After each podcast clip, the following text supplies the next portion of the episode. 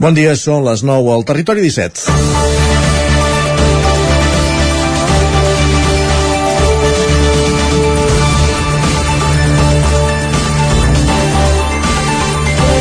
Ja és dilluns 9 de gener, de gener, jornada de retorns a la rutina o normalitat, si és que després d'haver viscut una pandèmia algú s'atreveix a creure en aquest concepte.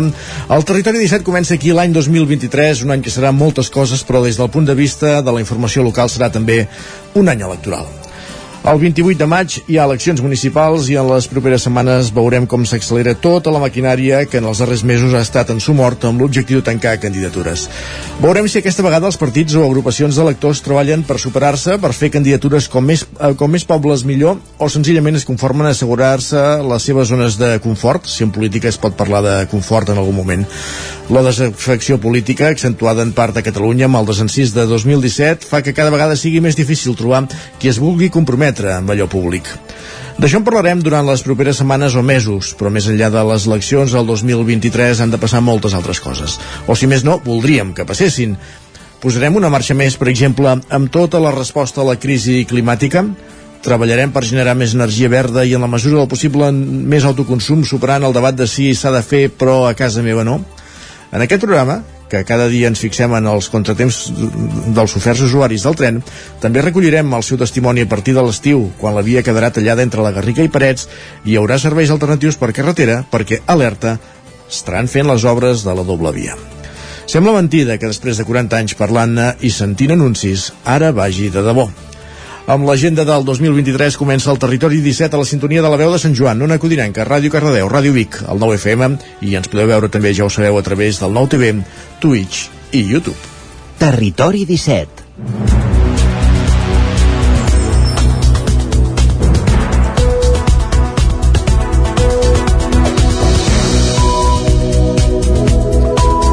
Dilluns 9 de gener de 2023. Ens haurem d'acostumar a aquest nou any, 2023. Comença el Territori 17, el magazín que us acompanyarà des d'ara fins al punt de les 11 amb les notícies, amb l'actualitat, amb les qüestions més destacades de les nostres comarques, el Vallès Oriental, l'Osona, el Ripollès i el Moianès. En aquesta primera mitja hora ens fixarem amb l'actualitat de les nostres comarques, farem un cop d'ull a la previsió del temps des d'Ona Codinenca amb en Pep Acosta i anirem al quiosc amb en Sergi Vives a veure què diuen avui els diaris a les seves portades. A dos quarts de 10 en punt serà el moment de recollir les cròniques dels usuaris de la línia del tren de l'R3 amb l'Isaac Muntades des de la veu de Sant Joan i a l'entrevista conversarem amb Pep Tines, el programador del Teatre Sirvianum de Torelló que presenta una nova temporada que de fet ja començava aquest cap de setmana amb el Festival de Circ a cavall entre la programació de Nadal i la nova temporada. En parlarem, com dèiem, tot seguit amb Pep Tines a partir de dos quarts de 10 de, del matí. Tot seguit serà el torn dels solidaris amb la Laura Serrat des de Ràdio Vic avui per conèixer a fons el projecte de l'Escola Solidària. Arribarem al punt de les 10, com procurem fer cada dia amb música. A aquesta hora serà moment d'actualitzar-nos, de posar-nos al dia amb les notícies més destacades de les nostres comarques. De nou, la previsió del temps en Pep Acosta i capbussar-nos a l'actualitat esportiva del cap de setmana es reprenen les competicions, s'han refrès de fet les competicions i repassarem com han anat amb, fent roda com sempre, com cada dia des de les diferents emissores del territori 17. El primer titular, per exemple, el Voltregà classificat per la Copa del Rei d'hoquei patins, el Voltregà masculí en aquest cas. I a la darrera hora serà també esportiva. Uh, primer farem un cop d'ull a les piolades més destacades que trobi en Guillem Sánchez a Twitter i després tertúlia esportiva després d'una nova jornada de Lliga en la que el Barça és més líder després de guanyar 0 0-1 a l'Atlético de Madrid ahir, patint fins l'últim moment, però mantenint el resultat. Després de l'ensopegada del Madrid, Villarreal 2, Madrid 1 i l'empat entre l'Espanyol i el Girona en el derbi català, empat a 2 eh, a l'RCD Stadium. Per tant, tot aquest és el menú del Territori 17 d'avui dilluns, 9 de gener de 2023, moment de posar-nos en dansa.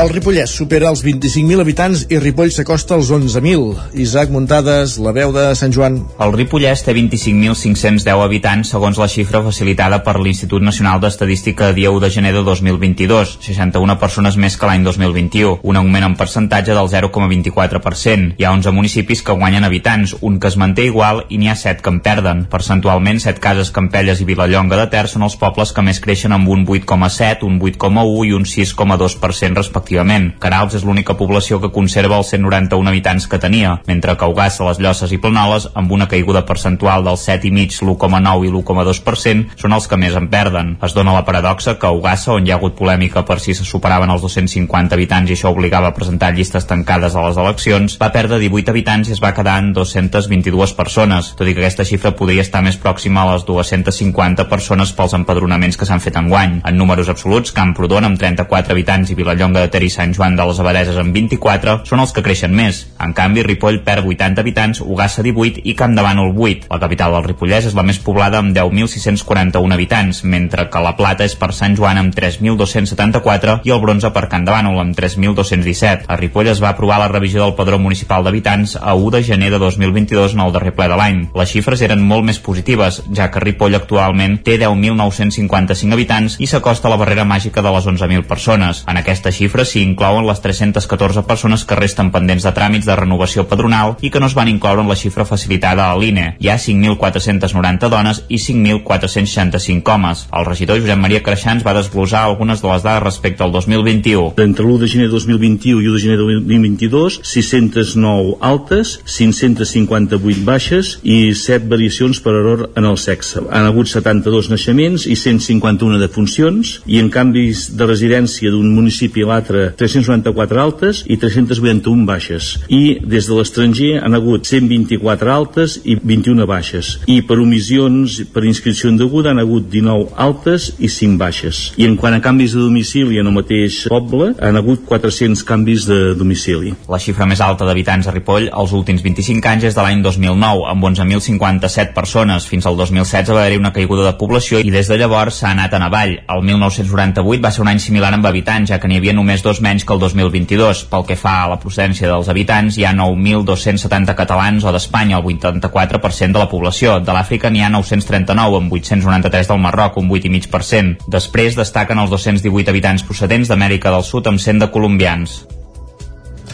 Més qüestions. La Guàrdia Civil manté suspesa la, la de l'excursionista de les franqueses del Vallès desaparegut a Salamanca, a la serra de Béjar, fins que la zona sigui segura i apunten que serà el mes de febrer. Pol Grau, Ràdio Televisió, Cardedeu. La Guàrdia Civil manté suspesa la recerca de l'excursionista de 45 anys de les franqueses desaparegut des del 29 de desembre a la serra de Béjar, a la província de Salamanca. Les tempestes dels darrers dies han cobert de neu la zona i la previsió de mal temps a la zona fan que el rescat no sigui segur pels serveis d'emergència i els voluntaris que fins ara treballaran per trobar-lo. La represa de la recerca dependrà de com quedi el cim després de les tempestes. De fet, segons fons de la Guàrdia Civil, s'anirà revisant la zona per decidir quan es pot reiniciar la recerca, però avisen que pot ser una setmana, un mes o dos mesos, segons com quedi el cim després de les tempestes. La família de l'excursionista ha criticat a través d'un comunicat que el dispositiu s'hagi suspès. Diuen que la subdelegació del govern espanyol i la Guàrdia Civil els han comunicat que no reprendran el rescat fins al mes de febrer. De fet, els han detallat que no es plantegen mobilitzar els serveis de rescat per un o dos dies. Els familiars creuen que els han deixat sols i que ara depenen únicament dels voluntaris per continuar buscant-lo. Volen crear un grup per coordinar els voluntaris que els vulguin ajudar a trobar l'excursionista. Gràcies, Pol. Més qüestions. El president del grup Bonpreu, Joan Font, apareix per primera vegada a la llista Forbes de les 100 persones més riques de l'estat espanyol. Sergi Vives. Es troba en la posició 90 i el mateix rànquing justifica que s'hi incorpora després de comprar el 50% de l'empresa al seu germà Josep Font per 301 milions d'euros que ha d'acabar de pagar fins al 2026. Calculen que el seu patrimoni és de 325 milions d'euros. La llista Forbes la lidera des de fa anys Amancio Ortega, accionista majoritari d'Inditex amb un patrimoni de 53.500 milions. Juan Roig, president de Mercadona, ocupa la quarta posició amb un patrimoni de 3.400 milions d'euros i Florentino Pérez és 13 amb 1.800 milions. Més qüestions. Osona ha tancat l'any amb 32 aturats més que el 2021, un munt total de 7.082 aturats al mes de desembre. Aquesta és la segona xifra més baixa en els últims 14 anys en un context d'inflació econòmica que feia dècades que no es veia a tot l'Estat. Osona ha tancat l'any amb 7.082 aturats. De fet, enguany han sigut 32 les persones que s'han sumat a l'atur, una xifra que podem considerar estabilitzada respecte a l'any passat després que el 2021 la comarca aconseguís una reducció històrica de l'atur que s'havia disparat per la pandèmia. Els municipis que presenten una taxa d'atur més elevada són Sobremunt, Manlleu, Sant Bartomeu del Grau i Sant Martí de Centelles, tots quatre per sobre del 10%. A l'altre extrem del rànquing, és a dir, els que menys atur tenen, són Tavernoles, Sora i Santa Maria de Besora. Els 100.082 aturats del mes de desembre és la segona xifra més baixa en els últims 14 anys en un context en què la guerra d'Ucraïna ha comportat un augment del preu de l'energia i, en conseqüència, unes xifres d'inflació que feia dècades que no es veien a tot l'Estat. Per altra banda, el conjunt de Catalunya ha tancat el 2022 amb poc més de 345.000 aturats, la xifra més baixa en un desembre des de 2007 i amb 22.820 desocupats menys que el 2021. Així doncs, l'atur ha baixat en 2.644 persones en l'últim mes de l'any després d'un petit repunt durant el mes de, no de novembre. I encara a la plana econòmica, la Fundació Sant Tomàs ha començat la instal·lació de plaques solars a tots els seus edificis per minimitzar l'impacte mediambiental i comprometre's amb l'estalvi energètic. Només amb el servei de bugaderia espera estalviar un 30% del consum l'any. La Fundació Sant Tomàs ha començat a instal·lar plaques solars als seus edificis que té a Vic. La primera actuació va ser a la Calandra, la bugaderia industrial i el centre de Sant Tomàs, que consumeix més energia i on hi ha eh, 370 plaques solars, que es preveu que generin uns 200 milions quilowatts a l'hora cada any, el que representarà un 30% d'estalvi en el consum energètic. I la segona actuació ha sigut a la teulada de l'edifici del Tristras, al Centre de Desenvolupament i Atenció Precoç de la Fundació. Ricard Aceves, director de la Fundació explica que l'augment del cost de l'energia ha fet accelerar aquest projecte. Aquest últim any calculem que, abans de tenir les xifres definitives, però podem haver calculat per 4 el cost de l'energia respecte a l'any anterior. Per tant, eh, nosaltres que, que ens financem amb, amb mòduls estables i que no s'han apujat, ha estat un sobrecost molt important. Malgrat l'estalvi amb el que es generi a les taulades dels edificis encara no seran autosuficients. Amb tot es plantegen crear o passar a formar part d'alguna comunitat energètica.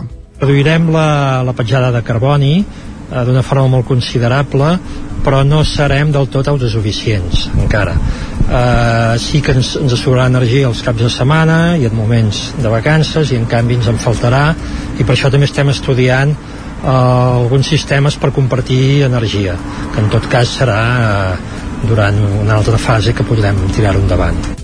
Els instal·ladors són joves que tenen dificultats per accedir al mercat laboral i que han format part d'un programa de formació dual amb el Gremi d'Electricistes i Sant Tomàs, en què han pogut obtenir un títol i fer les pràctiques instal·lant les plaques per a la mateixa fundació. Ricard Aceves ho veu com una branca més a desenvolupar de cara al futur. I estic molt il·lusionat volem que tingui continuïtat i un cop n'haguem après el que desitjaríem és tenir una, un petit equip de treball que fes instal·lació de plaques fotovoltaiques per, eh, per tercers, eh, per altres empreses i que poguéssim d'alguna manera doncs, crear llocs de treball per, per col·lectius que, que puguin necessitar aquest tipus de, de feina. Eh, a més a més és una feina de futur durant aquest any i el vinent, la Fundació Sant Tomàs preveu tenir 5 instal·lacions d'aquest tipus en funcionament que generaran al voltant de 800.000 quilowatts hora a l'any. Més qüestions, gràcies Sergi. Creu Roja recapta més joguines aquest Nadal però ten més persones també alhora. Roger Rams, Ona Codinenca. Una campanya nadalenca de recollida de joguines per a les famílies més vulnerables amb el títol Els seus drets en joc, incrementant lleugerament el volum de persones ateses, ja que han atès més d'una vintena de famílies i prop d'una cinquantena d'infants a Sant Feliu de Codines. Eva Chacón és la responsable de la Creu Roja al poble.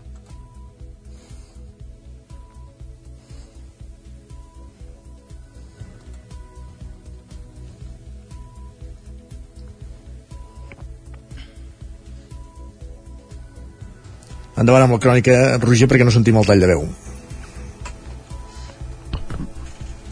Bé, mm, aquest Ara any sí. hem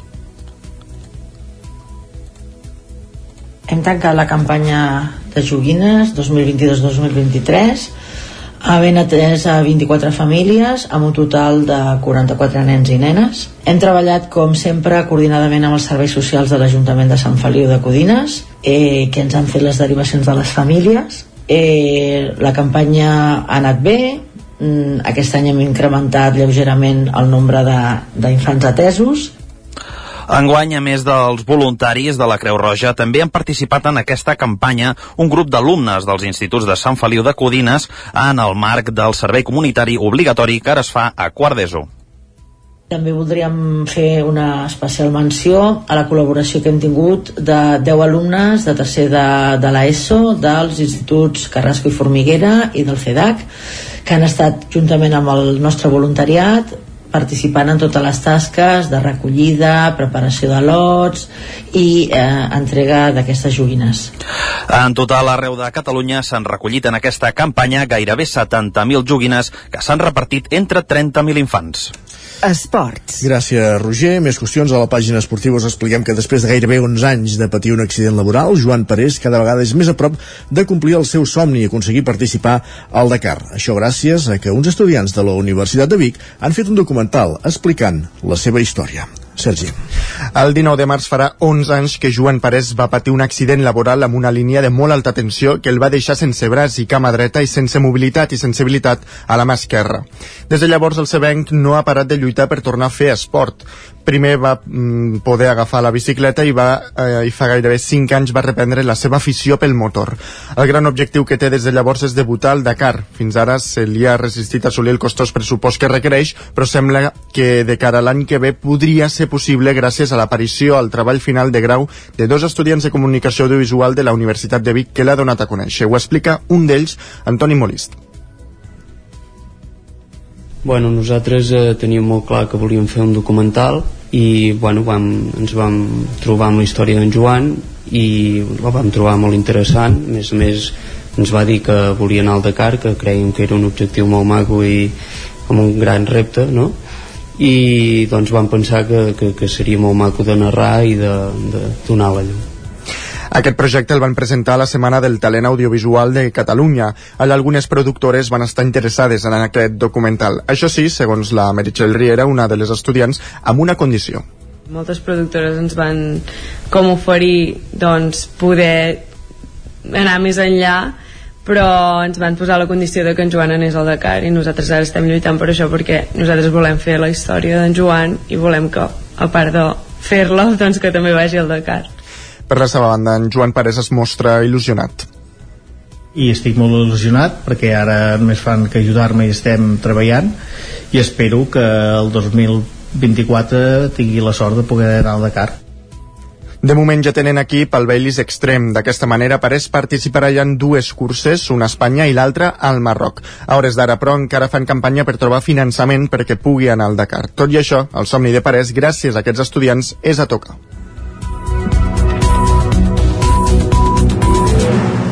Gràcies, Sergi, veiem aquí aquest repàs informatiu que començàvem al punt de les 10 en companyia de Roger Rams, Pol Grau, Isaac Muntades i Sergi Vives. Moment al territori 17 de saludar també en Pep Acosta. Tornem a una codinenca.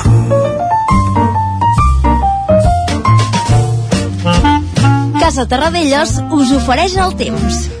Mm, Any nou, però mantenim els nostres col·laboradors, com en Pep Acosta, puntual cada dia amb la previsió del temps, després d'un 2022 que, que no ha estat eh, precisament el que desitjàvem, on ens ha faltat molta aigua, on han pujat molt les temperatures, i que, que teníem la mosca al nas en Pep Acosta. Veure, veurem què ens depara aquest 2023. Pep, benvingut de nou, bon dia, bon any. Hola, molt bon dia. Com estàs? Què tal? Com han les vacances? Sempre van bé. Espero que molt bé i tu? espero que també estigueu uh, molt bé, que hagi anat molt bé aquests uh, primers dies de l'any 2023. Estupendament. No cal dir, uh, suposo que ja mm, tothom ho sap, s'han vist uh, totes les dades, ha sortit a tots els mitjans de comunicació, el 2022 ha estat un any desastrós, desastrós, eh, pel que fa al temps. Um, l'any més càlid sense cap mena de dubtes eh, a Catalunya des de que hi ha registres i també eh, un any més eh, seguim amb aquesta enorme sequera.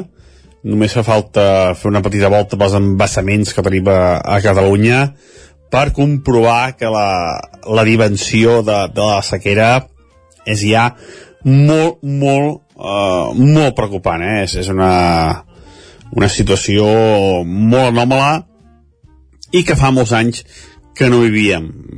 El 2021 i el 2022 han estat anys eh, molt secs, eh, sobretot a, a l'interior de Catalunya, també cap al Pirineu Oriental, les úniques zones on ha pogut una mica és cap al vessant nord del Pirineu i cap al sud de, de, de Catalunya. Són les úniques dues zones on ha pogut una, una mica més.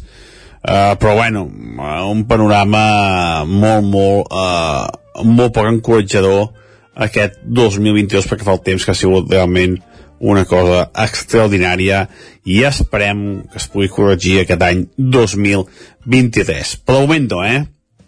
De moment, eh, poc moviment meteorològic, eh, poques pluges i poc fred. Eh, aquests dies no hi ha hagut pas massa, massa, massa cosa a destacar pel que fa al temps. Ahir va ploure una mica, però bueno, pluges del tot eh, ineficients, molt poca cosa, molt poca cosa. Eh, òbviament, no, amb, amb això no omples ni pantans ni omples eh, cap, cap cosa, ni molt menys.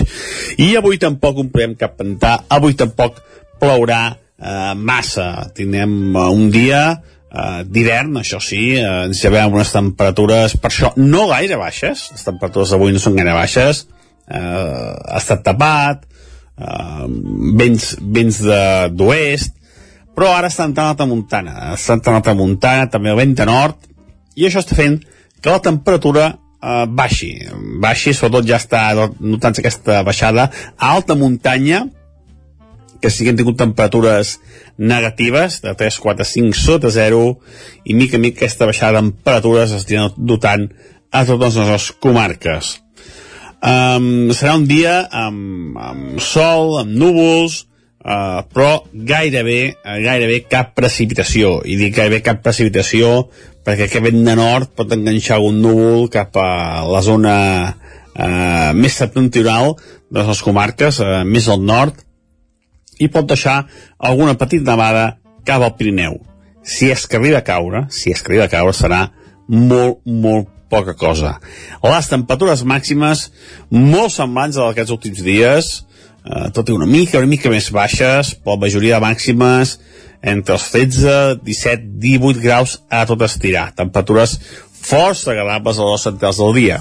I el més destacable del dia d'avui serà el vent, el vent que bufarà a les zones de muntanya, eh, el preditoral, les zones més altes, també el Pirineu, òbviament, on bufarà bastant fort, i també cap a transversal, a cops de vent superiors als 80-90 km per hora que es poden assolir en aquestes zones. Eh, serà una mica destacable, una mica destacable el vent.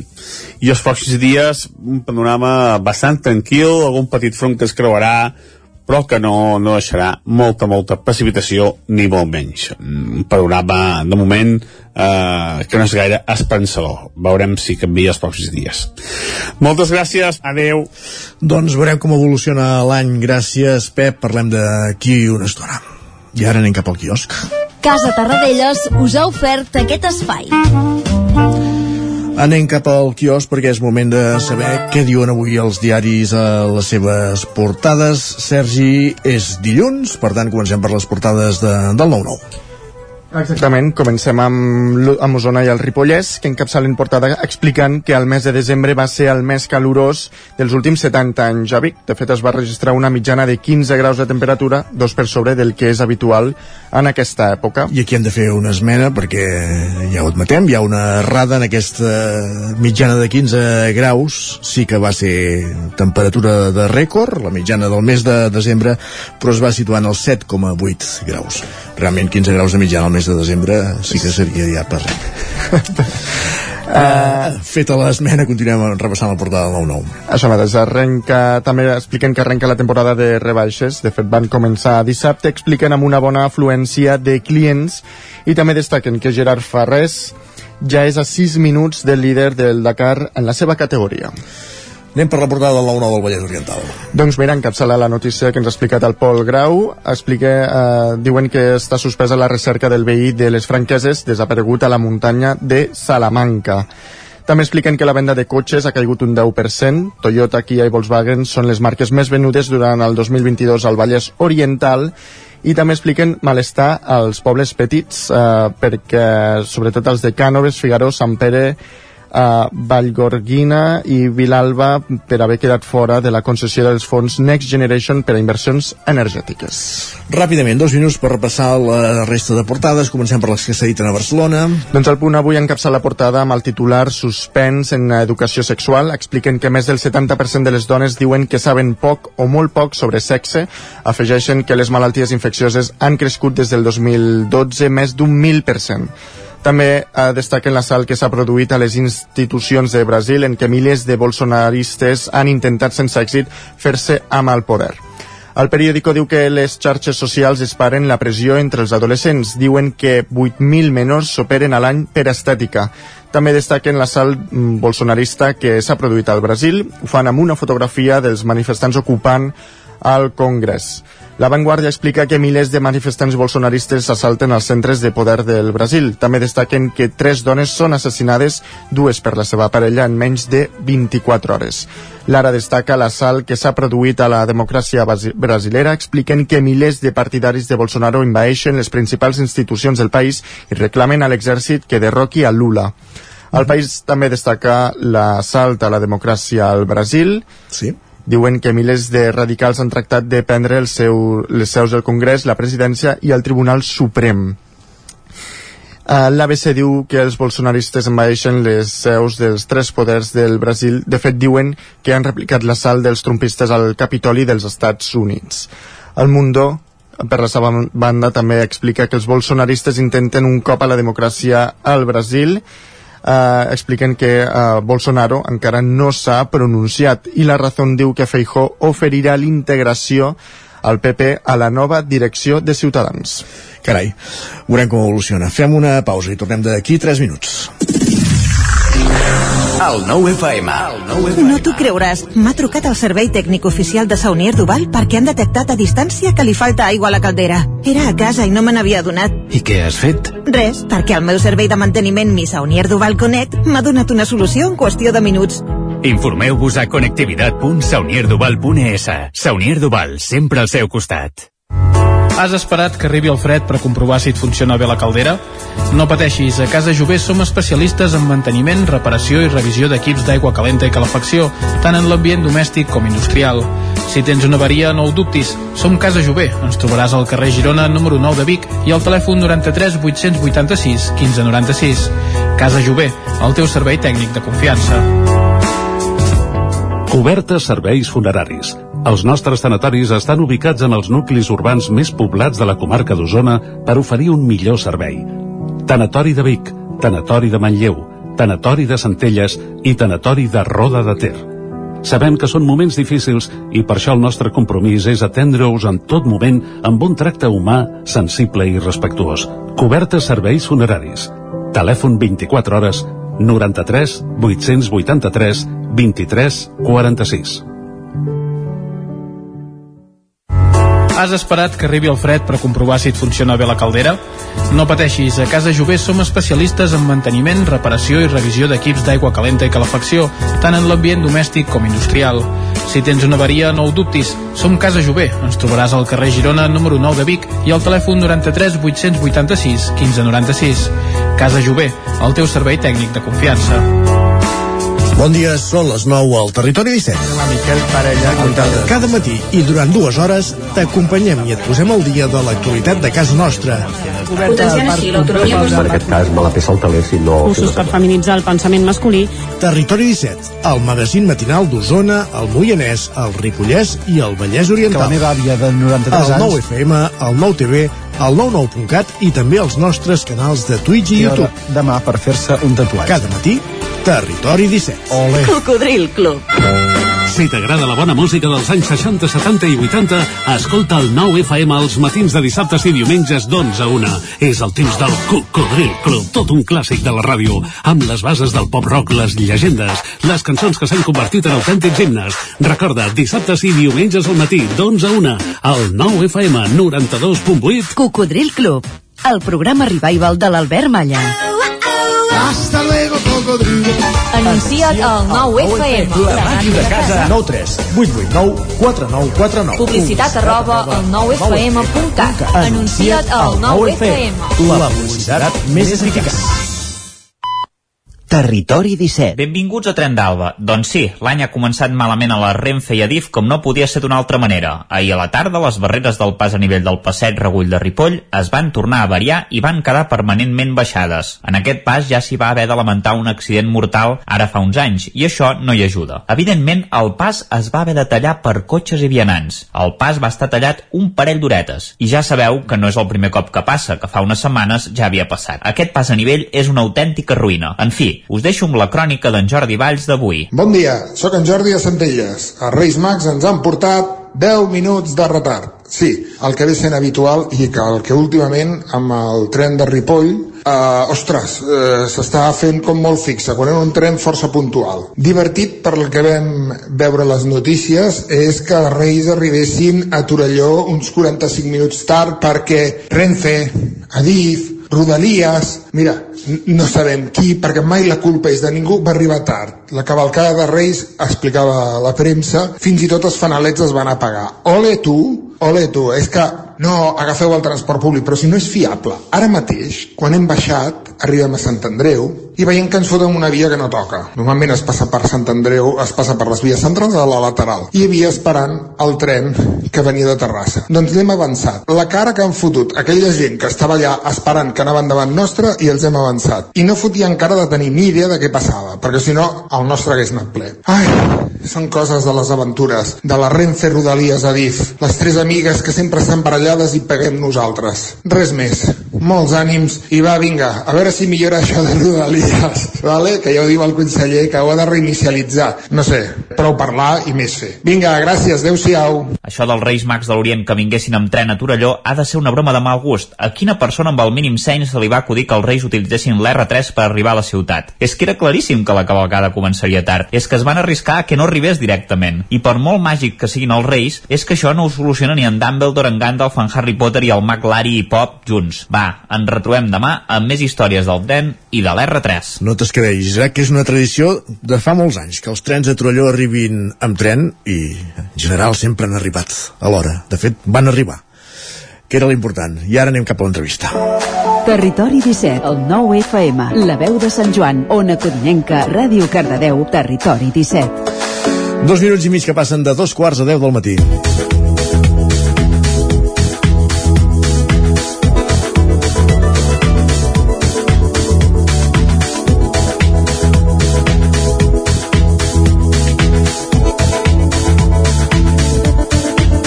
Amb l'obra de teatre L'Oreneta de Guillem Clua, amb Emma Vilarassau i Dafnis Baldús. El Teatre Sirvianum ha encet aquest proper cap de setmana una nova temporada de, de programació, des d'ara pràcticament fins a, fins a l'estiu. Quins seran els espectacles més destacats que s'hi podrem veure? Ho desgranem tot seguit amb el cap de Cultura de l'Ajuntament de Torelló i programador del Teatre Sirvianum, Pep Tines. Aquí saludem a l'altra banda del fil telefònic. Pep, bon dia. Hola, bon dia. Com anem? Com va l'any? Bé, bé, de moment bé. Molt bé. El, el, els Reis van arribar tard, però van arribar, és el que deies tu, eh? És l'important, exacte. Com a mínim hem començat, hem començat tard, com a mínim.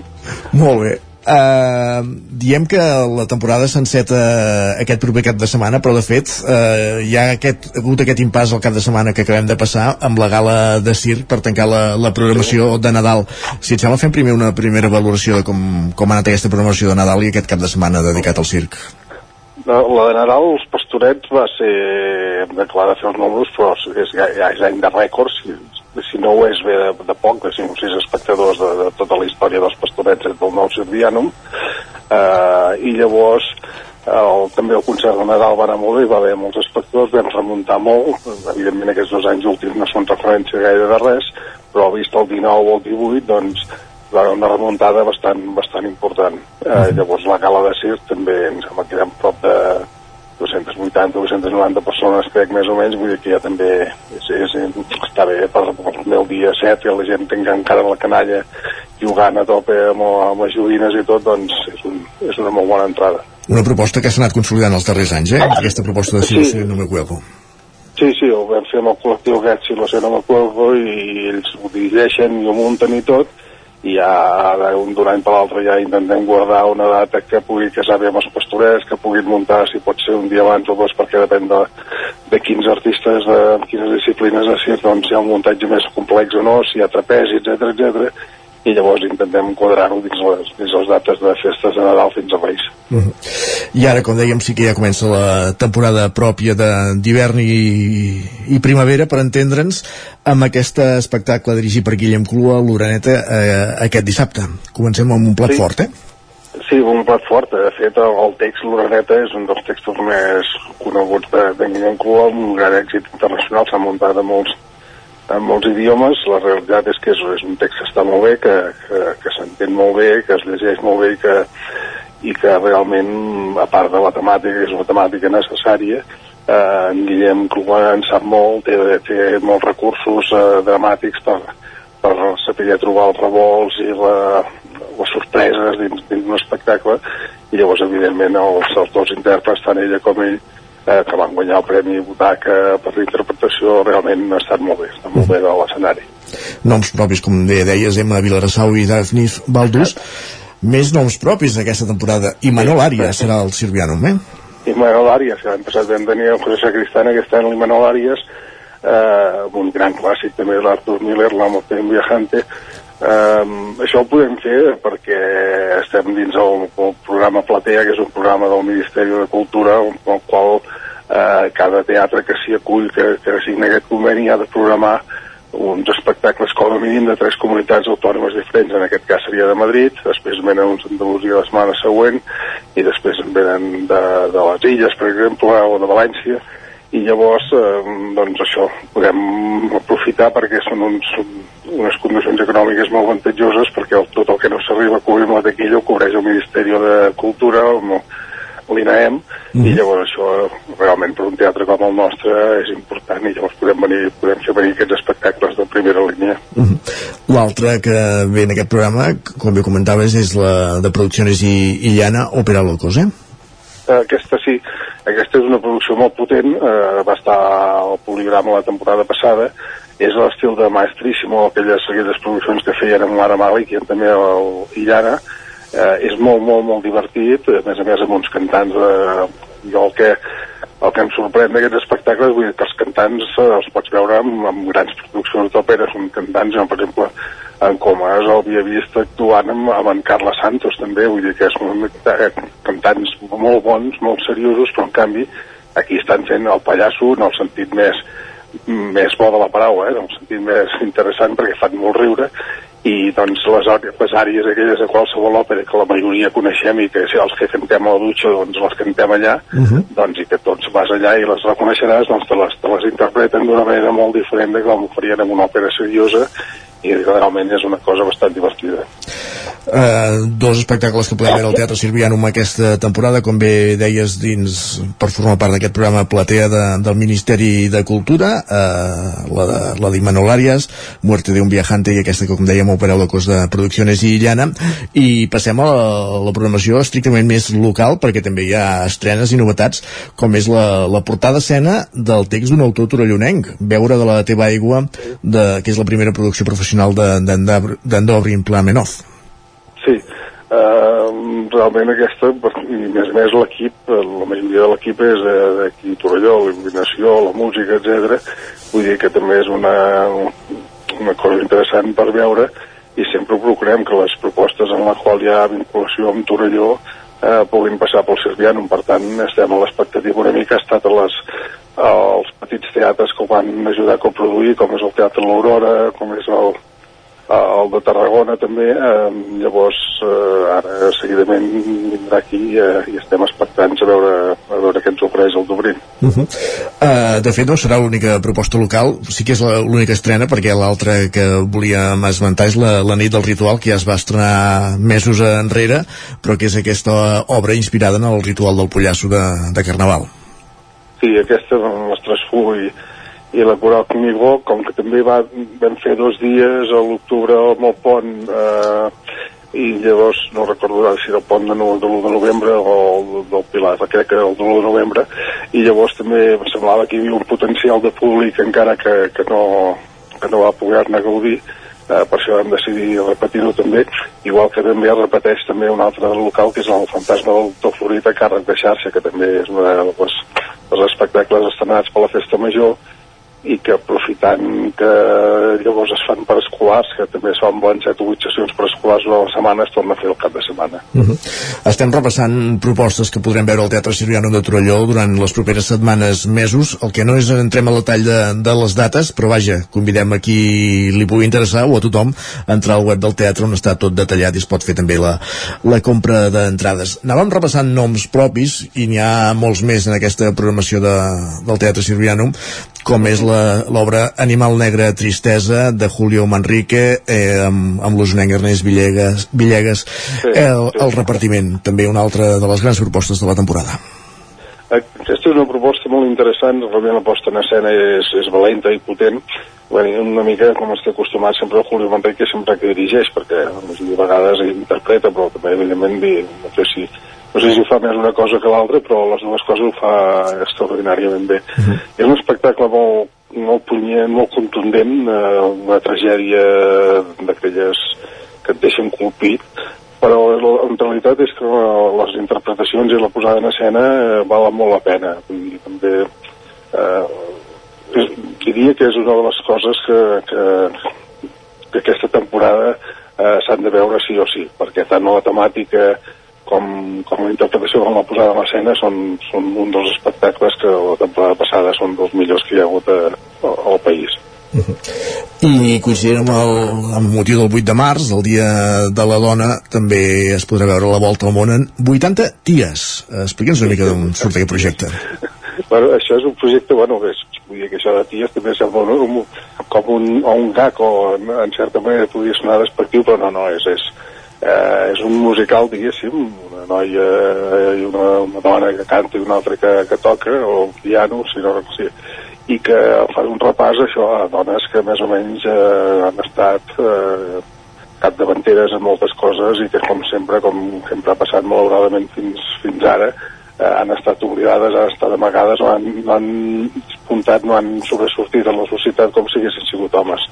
I llavors està bé perquè buscar aquest doble joc que ha sentit amb el dia, amb 80 dies o amb 80 dies, doncs està bé el, el, doble, el doble joc aquest i, i això, un espectacle que canta i va, va desgranant la història d'aquestes 80 dones.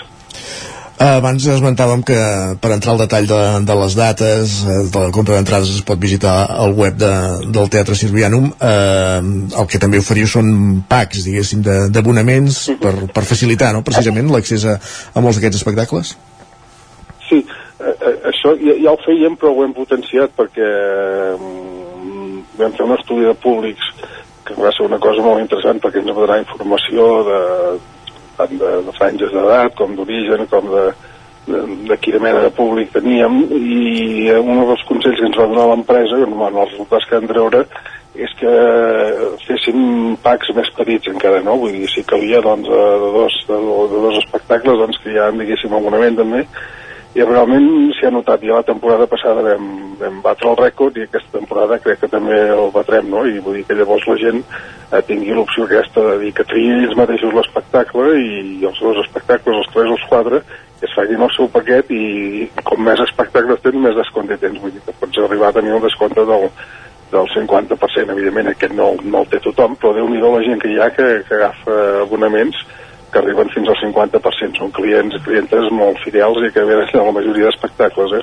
Uh -huh. Però déu-n'hi-do els que que ho fan i que un 50% de les entrades aquestes, que ja són uns preus bastant assequibles comparat amb Barcelona, qualsevol espectacle aquest que ha estat a Barcelona, eh, de per mig potser val 10 o 12 euros més l'entrada a Barcelona que aquí, però vull dir que ja, ja, ja de per si és, és un preu més interessant, més, més assequible però si a més a més pot ser un abonament d'aquests doncs penso que, està molt bé uh -huh.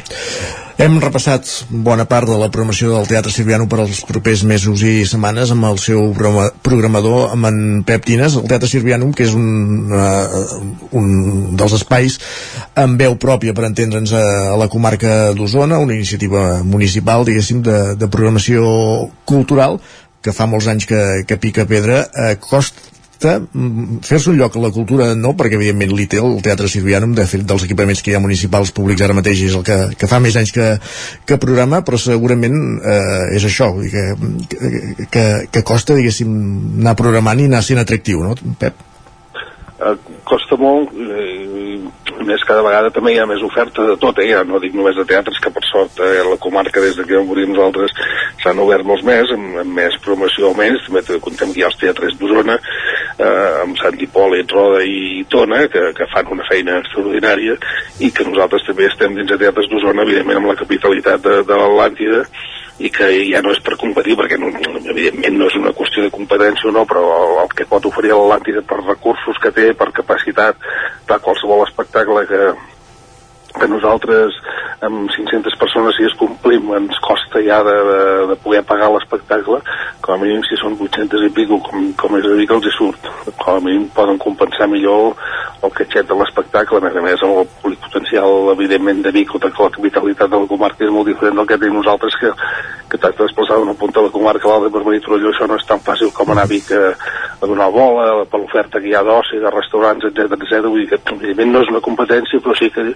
eh, que potser la singularitat és que és un tipus de d'espectacles en certa manera una mica més arriscats en algun moment, més nous eh, i que llavors hi ha un tipus de gent de públic que potser sí que els interessa això a part dels altres que siguin, siguin més comercials i que puguin anar a Vic cada, tant en tant però que llavors nosaltres podem oferir també aquest tipus d'espectacles que necessiten un teatre gran i que només podem oferir aquests tres, que són els, tenim els teatres d'Osona, que és Call d'Atenes, Torelló i Vic, perquè ja tenim els teatres, Call d'Atenes i Torelló, un teatre mitjà i a Vic un teatre gran. Els altres no poden per, per capacitat per, i per recursos que puguin tenir els ajuntaments perquè també són més petits. Uh -huh. Però bueno, també és allò, anar trobant la singularitat, una cosa una mica més especial i trobar, doncs, això. Uh -huh. Per exemple, el programa Platea ens va molt bé, encara que siguin espectacles que potser la gent accepta aquests caps de cartell com la Manolària o coses de Cristant, són potser companyies que aquí no són tan conegudes però sí que són d'una solvència eh, contrastada i que, i que són molt bons espectacles.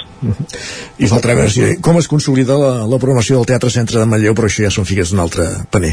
Correcte, encara estan en el procés. Exacte, Pep Tines, programador del Teatre Siriano de Torelló, gràcies per ser una vegada més al Territori 17 molt bé, gràcies a vosaltres eh. bon dia. Fins ara Avancem de teatre, hem parlat de cultura, amb Pep Tines, com dèiem, el programa del Teatre Sirvianum de Trolló, és moment de parlar de solidaritat. Anem fins a Ràdio Vic, allà ens espera la Laura Serrat.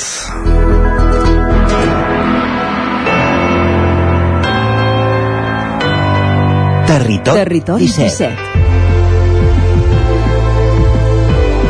Territori 17.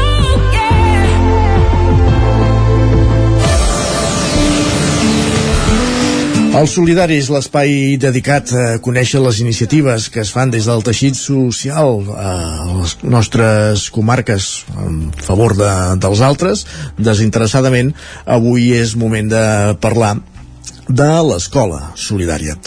Els detalls de tot aquest projecte els té, com dèiem, la Laura Serrat, des de Ràdio Vic. Aquí ja saludem. Laura, benvinguda, bon any. Encetem el 2023 el programa Solidaris amb nous propòsits i amb un llarg camí d'entitats i projectes per conèixer. Un dels objectius que es marquen moltes persones per l'any nou és participar en més activitats de voluntariat i contribuir amb el seu granet de sorra. Des d'aquí us animem a adherir-vos a aquelles iniciatives que us puguin interessar i avui us donem a conèixer un ambiciós projecte de la Coordinadora del Voluntariat d'Osona. és el que s'anomena Escola Solidària, una iniciativa que vol acostar projectes de voluntariat als centres educatius. En parlem en detall amb la Montse Porta, la directora del projecte, que comença fent-nos 5 cèntims del sorgiment i el funcionament d'aquesta iniciativa.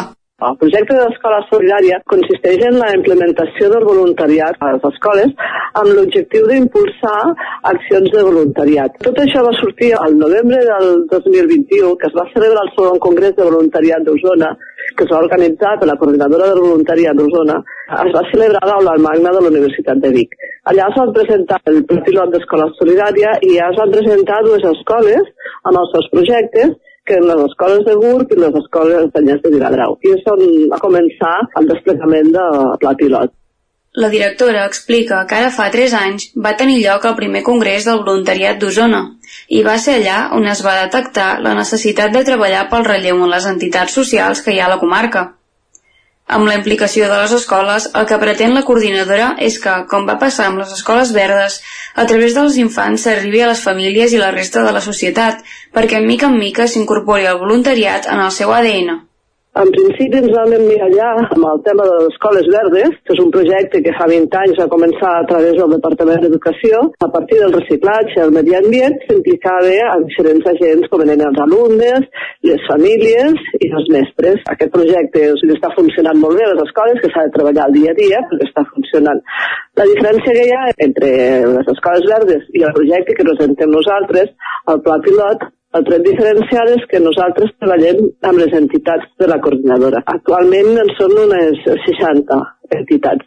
La iniciativa va començar amb tres centres educatius i ara ja n'hi ha 15. La idea és vincular les gairebé 60 associacions i els voluntaris que hi ha a la coordinadora a través de xerrades i projectes en marxa. Porta assegura que a l'hora de presentar la iniciativa van procurar posar les coses fàcils als centres educatius, que moltes vegades estan colgats de feina.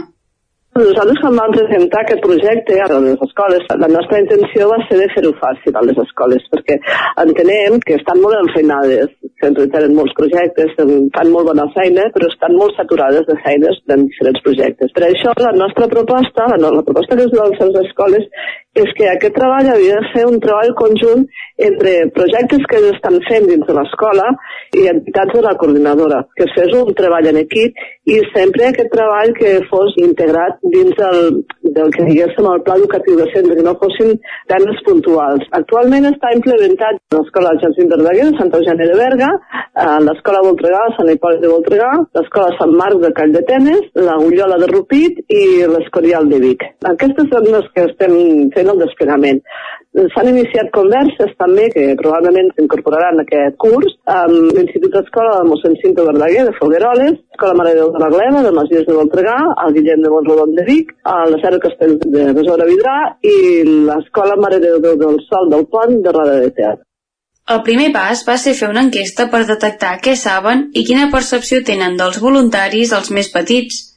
Aquest va ser l'inici del treball conjunt i del procés de conscienciació dels infants. L'enquesta també es va dirigir a les famílies i als equips docents.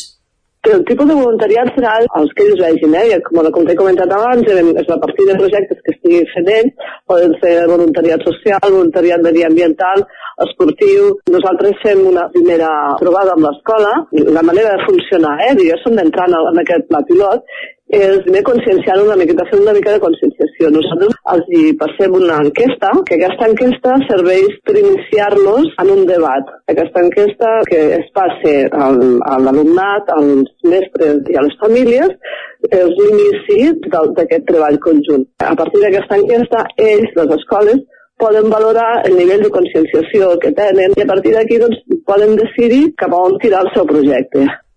Porta assegura que el projecte ha tingut una molt bona rebuda i ha estat acollit amb entusiasme per part dels centres educatius, les famílies, les entitats, els voluntaris i també l'administració. Han tingut molt bona rebuda perquè, en principi, abans de, de, de començar amb les escoles, ja ho vam proposar al, al Departament d'Educació i al Departament de Drets Socials. Ells estan al cas i tot això i, i, i estan amb nosaltres, tant que des del Departament d'Educació, des de quan vam començar, ens van obrir les portes fent una reunió de directors d'escoles d'Osona on van poder presentar el, el pla pilot. Es va donar a conèixer i llavors ja van fer visites presencials explicant-ho més d'extensament. No? Però vull dir que, que la rebuda per part de tothom, eh, de la universitat, de les entitats, del Departament d'Educació i de, de Drets Socials, bueno, de tothom, és un pla pilot, eh? I hem de fer el desplegament, i a veure com funciona, però de moment, sí, sí, ja, ja s'estan començant a, a veure alguns projectes que es poden fer a les escoles conjuntament amb les entitats. Explica que la part més complicada de tirar endavant una iniciativa com la seva és arribar a crear un vincle compromès amb els participants. Assegura que és essencial aportar granets de sorra per canviar el nostre entorn i que cal estar convençuts del projecte per aconseguir treballar de manera conjunta i començar a canviar la mirada dels infants. Detalla que a la comarca d'Osona sí que hi ha força consciència voluntària, però allò que manca moltes vegades és, precisament, un compromís per col·laborar de forma continuada en el temps. El que és complicat també és arribar a que la gent s'ho cregui, no? es cregui aquest projecte. Les de les escoles s'ho han cregut molt bé, estem treballant amb les entitats també perquè s'ho creguin i és potser trobar el vincle aquest. S'ho tant que es treballi conjuntament, no? Perquè que sabem que tothom està molt enfeinat, el ritme de vida és, és molt trepidant, tothom fa moltes coses i tothom fa coses molt bones i a l'arribar a dir, a conscienciar i dir, mira, ostres, doncs posem-nos en aquest projecte, que aquest projecte serà bo, aquest projecte canviarà el món, bueno, i posar un granet de sorra per canviar el nostre entorn, no? Com a mínim canviar les consciències de, dels nostres infants, que aquí és on comença, no? A la coordinadora hi ha 60 entitats adherides que estan fent molt bones feines i que aquestes 60 entitats que adherides a la coordinadora no són totes les entitats perquè les anem afegint mica en mica, però sí, sí, hi ha un treball brutal de, de conscienciació i de voluntariat. Sí que és veritat que s'ha vist que arrel de la pandèmia i arrel de, de, bueno, de les circumstàncies el voluntariat fa falta també, eh? Hi ha la consciència, però potser falta una miqueta el compromís, el compromís de, de, de que no siguin voluntariats puntuals, sinó que siguin voluntariats que siguin més continuats en el temps.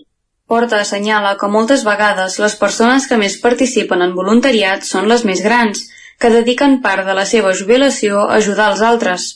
La directora apunta que fer arribar aquesta mentalitat als infants és un pas cap endavant en el canvi d'aquesta dinàmica però sí que havíem vist que el voluntariat eh, solament molt amb persones més grans, jubilades, que està molt bé, eh, que dediquin la seva vida, quan ja han deixat la seva feina laboral, que dediquin la seva vida al voluntariat. Això no vol dir que només sigui la gent gran, eh, també hi ha gent jove que també es dediquen al voluntariat, però sí que s'està veient que si treballem des dels fonaments no, de, dels infants, si poden créixer amb aquesta consciència de voluntariat, doncs ja, ja tenim experiències eh, que, que ens estan dient que sí que si els infants creixen amb aquest treball fet no? de voluntariat i de consciència, d'empatia cap a l'altre, doncs quan són grans, quan són ja més adults, poden dedicar més la seva vida a, a temes socials o voluntariat, perquè realment ja han fet aquest canvi de xip, no? ja han fet aquest canvi de mirada i ja ho veuen com una normalitat aquesta ajuda a l'altre.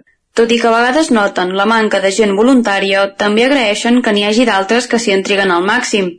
La directora explica que allò que més els reconforta de la seva acció és ser conscients que formen part d'un procés de canvi social ets gent actiu en un canvi, no? Sí que veure com pots canviar, com es poden canviar les coses, no? Perquè vagin a millor, perquè, no sé, tothom està instal·lat amb un negativisme, no? Hi ha bastant negativisme, sigui pel que sigui, eh? I dius, no, no, has de ser més optimista. La vida és molt maca. Sempre hi ha un costat bo de les coses, no? No molt malament que ho passes. Sí que hi ha, hi ha situacions molt dures i molt dures, però precisament veient tot el tema de voluntariat i totes les entitats, veus que d'aquestes situacions tan dures doncs, surten mm, coses molt bones, coses molt positives i això et dona un confort espiritual no? i personal que, que és molt gran. Mirant de cara al futur, la directora té clar que un dels seus desitjos per a aquest projecte és que el Pla Pilot d'Escola Solidària deixi de ser un pla pilot. L'objectiu és que el projecte s'acabi implementant a totes les escoles d'Osona, com a mínim, i que s'instauri també més enllà de les parets del centre. Porta assenyala que l'altre gran propòsit d'aquesta iniciativa és promoure i fomentar el voluntariat familiar. Assegura que si s'aconsegueix fer arribar el canvi a les famílies ja seria un pas enorme, perquè traspassaria l'escola i arribaria a l'àmbit social i a l'entorn.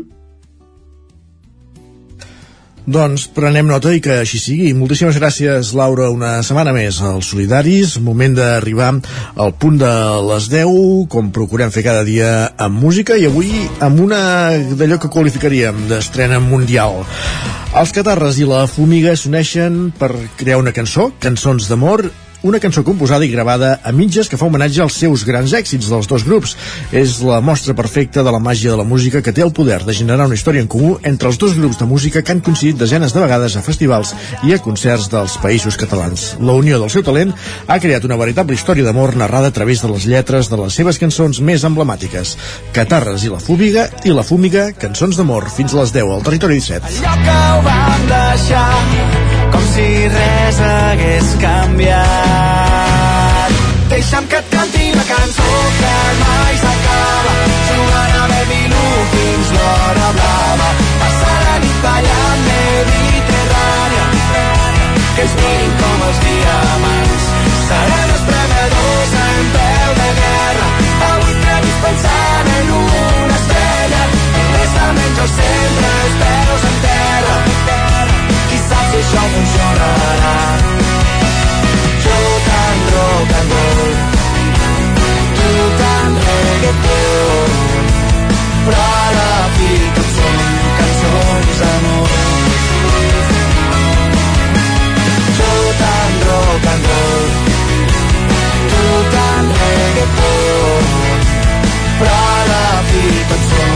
cançons d'amor. I aquesta hora és moment d'actualitzar-nos, de posar-nos al dia amb les notícies més destacades de les nostres comarques i ho fem en connexió amb les diferents emissores que dia a dia fan possible aquest programa. Ona Cotinenca, Ràdio Cardedeu, la veu de Sant Joan, Ràdio Vic, el 9 FM, ens podeu veure també a través de Twitch, de YouTube i del nou TV. Som al territori 17, el magazín de les comarques del Vallès Oriental, Osona, el Ripollès i el Moianès. I us expliquem a aquesta hora que la comarca d'Osona ha tancat l'any 2022 amb 6 víctimes mortals a les carreteres en accidents de trànsit, una menys que les que van registrar-se l'any passat. Sergi Vives. El primer accident mortal de l'any es produïa el 19 de febrer a la C62 a l'altura de la serradora de Prats del Lluçanès. El cotxe que conduïa la víctima, una jove de 28 anys, veïna de Sant Forest la Guixa, va ser investit lateralment per una furgoneta. El segon accident de l'any va registrar-se a Sora el 29 de maig. Un veí de Sant Quirze de Besora de 36 anys va sortir de la carretera la BP 4.654 i va acabar xocant contra un arbre. El 12 de juliol, un jove de Sant Hipòlit de 17 anys va morir després de perdre el control de la seva motocicleta i acabant impactant contra un mur d'un garatge. Només dues setmanes després, al punt quilomètric 44,7 de la N141 entre Malla i Collsospina, un veí de Taradell de 64 anys que es dirigia en bicicleta cap al Moianès va ser investit per un camió. Aquest no va ser l'únic ciclista atropellat que deixa el 2022 a les carreteres d'Osona. El 17 de novembre es va haver de lamentar la mort d'una dona de 47 anys que va ser atropellada també per un camió que circulava per la carretera de Collses Planes. Uns dies abans, el 4 de novembre, el conductor d'un camió va ser atropellat pel seu propi remolc. L'accident es va produir a la C-17 al punt quilomètric 42 i mig a Ceba.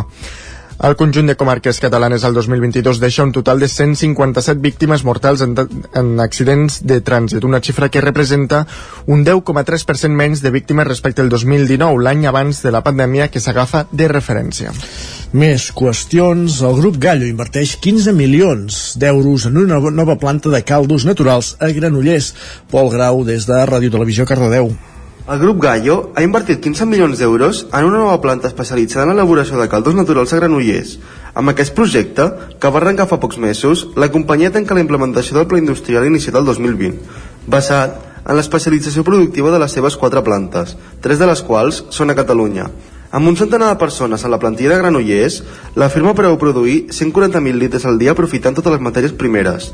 Amb l'entrada en funcionament d'aquest centre d'elaboració de caldos al polígon Congost, Gaia dona per tancada la seva estratègia d'especialització productiva.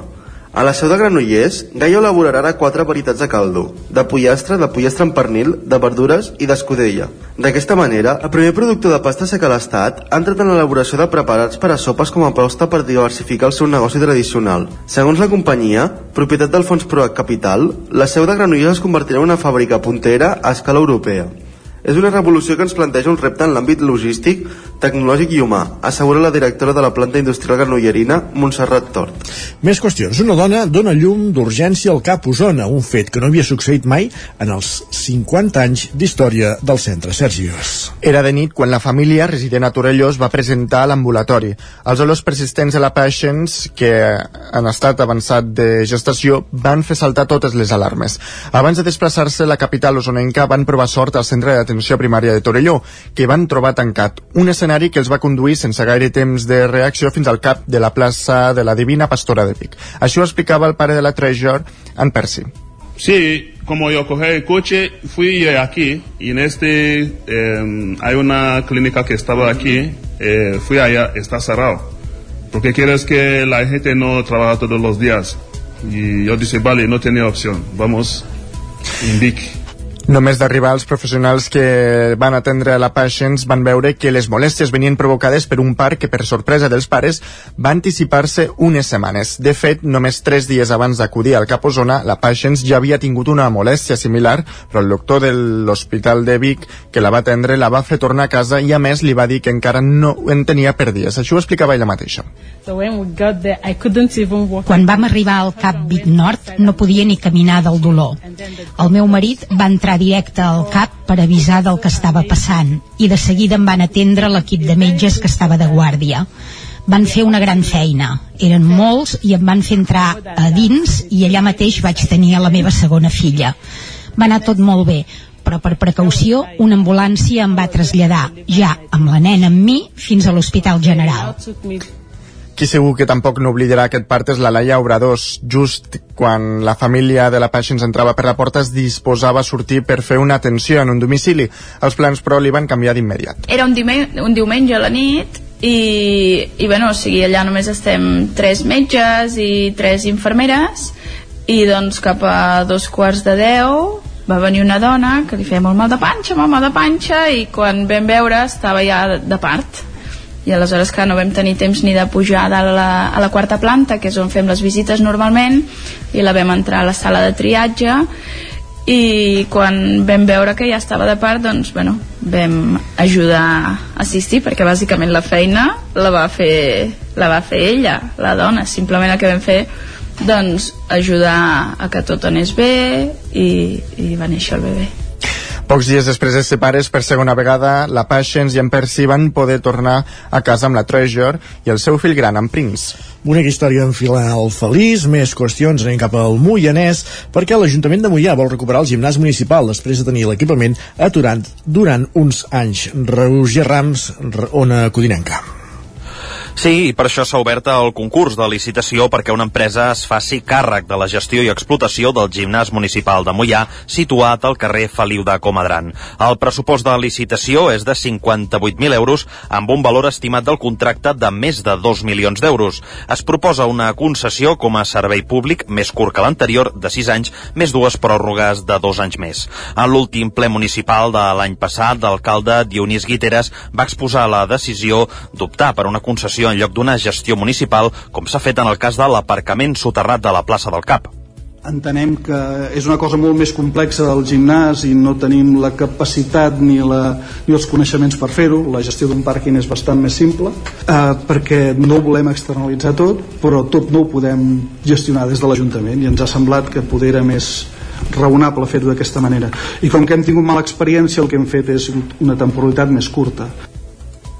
L'Ajuntament també contempla una inversió en maquinària al gimnàs abans de posar-lo en marxa per tal de facilitar en un futur els canvis de gestió de l'equipament. En aquest cas s'ha considerat que portar-hi maquinària ens serveix per dues coses. Una, per poder tenir una concessió més curta, com ja he dit, perquè així provem com va i si ens equivoquem doncs podem corregir el més ràpid possible i després perquè la maquinària de fet es queda en l'equipament que és de l'Ajuntament i ara imagineu-vos que això ho concessionem que aquesta empresa també posa aquesta maquinària i que després quan marxi tornem a estar en la mateixa situació Els projectes de licitació del gimnàs de Mollà es podran presentar fins al proper dia 23 de gener. Gràcies, Roger. Anem cap al Ripollès perquè Ripoll Comerç ha entregat 93 joguines als Reis de l'Orient per als nens vulnerables de la comarca. Isaac Muntades des de la veu de Sant Joan. Durant aquestes festes de Nadal, diversos establiments associats a Ripoll Comerç han regalat 93 joguines noves per als nens de la comarca del Ripollès que estan en una situació vulnerable amb la intenció que els més petits tinguin un regal. Alguns comerços han aportat un regal i d'altres ho han fet econòmicament per comprar les joguines a les botigues afiliades a l'associació perquè tots els nens en tinguessin una per la nit de Reis. Una representació de motoristes de Roosters Club de Ripoll va passar pels comerços del municipi a recollir les joguines que a través de la Creu Roja es van fer arribar a ses majestats als Reis de l'Orient per complir amb aquest objectiu. Aquesta iniciativa està organitzada per Ripoll Comerç i compta amb la col·laboració del Consorci de Comerç, Artesania i Moda de Catalunya i la Unió Intersectorial Empresarial del Ripollès. És la primera vegada que es fa al municipi i des de Ripoll Comerç estan molt satisfets per l'alta participació. D'aquesta manera, els comerciants i empreses adherides a l'entitat se senten satisfets per contribuir que els nens de famílies sense recursos poguessin somriure amb el seu regal durant aquestes dates tan màgiques pels més petits. Esports. Gràcies, Isaac. I a la pàgina esportiva us expliquem que Vic durant els propers dies es convertirà en la capital del ciclo, ciclocross a nivell estatal. Aquest cap de setmana vinent, després de tres dècades, la capital usonenca serà la seu del Campionat d'Espanya de ciclocross, com dèiem, 2023, Sergi. Vic serà la seu del Campionat d'Espanya de ciclocross 2023. Així doncs, els dies 13, 14 i 15 de gener, la capital d'Osona portarà a Catalunya la cursa més important de la temporada després de més de tres dècades. Això ho explicava Joaquim Vilaplana, president de la Federació de Ciclisme. S'ha aconseguit un, un campionat d'Espanya aquí a Vic. No ha estat fàcil. Hi han diferents comunitats que fa anys que han apostat pel, pel ciclisme al ciclocross. Viure- Nosaltres també ho hem fet. Viure de prop aquest campionat, assegurava Josep Jofré, responsable de l'organització del Club Jofré Vic ATB, és una gran oportunitat pels ciclistes osonencs. per nosaltres és important ja que l'escola de ciclisme eh, és un esdeveniment més de ciclisme referent per, per tots els esportistes que tenim eh, des dels petitons fins, a, fins als grans El circuit de 3 quilòmetres estarà situat a la zona esportiva de Vic, en un terreny totalment d'herba i fang. Segons Pere Ullà, delegat de la Comissió de Ciclocross de la Federació, està considerat dur, físic i amb zones tècniques on hi destaquen una zona de taulons i dues zones de desnivell pronunciat. i en cas de que hi hagués molt fang normalment es fa un canvi al box eh, entre volta i volta val? cada volta els corredors canvien per córrer amb la bicicleta neta Durant tres dies, Vic coronarà els campions d'Espanya de la disciplina hivernal tant masculí com femení en, categoria, en categories èlit, sub-23, júnior, cadet i màsters. Una veritable festa del ciclocross que començarà la tarda d'aquest divendres amb la disputa de la prova de relleus per equips de seleccions autonòmiques per després donar pas al cap de setmana a les curses de les diferents categories. Gràcies, Sergi. Passen 11 minuts del punt de les 10 del matí que hem aquí aquest repàs informatiu que hem fet en companyia de Sergi Vives, Roger Rams, Pol Grau i Isaac Muntades. Moment al territori 17 de saludar de nou en Pep Acosta i conèixer la previsió del temps per les properes hores. Casa Terradellos us ofereix el temps. Ona Codinenca, Pep Acosta, bon dia. Hola, molt bon dia. Tindrem uh, un dia uh, d'hivern, això sí, uh, ens llevem unes temperatures, per això, no gaire baixes. Les temperatures d'avui no són gaire baixes. Uh, ha estat tapat, uh, vents, vents de- d'oest, però ara està entrant a la tramuntana. Està entrant a la tramuntana, també el vent de nord, i això està fent que la temperatura eh, baixi, baixi, sobretot ja està notant aquesta baixada a alta muntanya, que sí que han tingut temperatures negatives, de 3, 4, 5 sota 0, i mica en mica aquesta baixada de temperatures es dotant a totes les nostres comarques.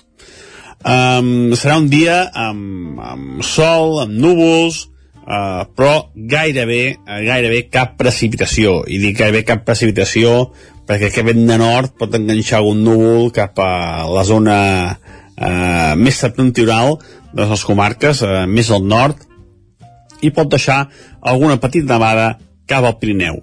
Si és que arriba a caure, si és que arriba a caure, serà molt, molt poca cosa.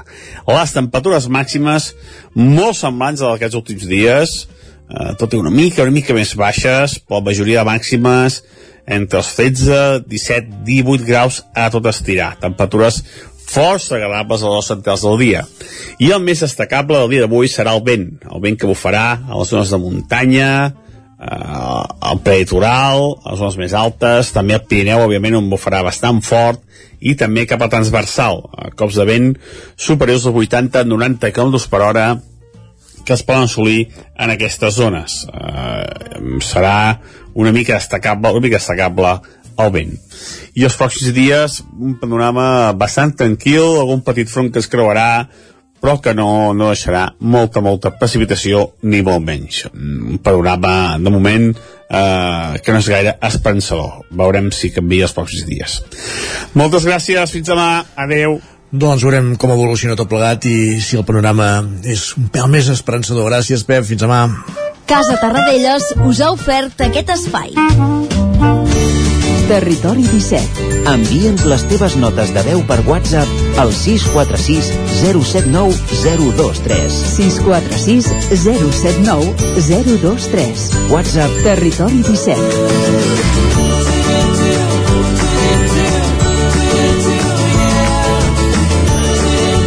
Territori 17. Som a Facebook, Twitter i Instagram amb l'usuari Territori 17. Mig minut perquè sigui un quart d'onze del matí, temps pels esports al territori 17.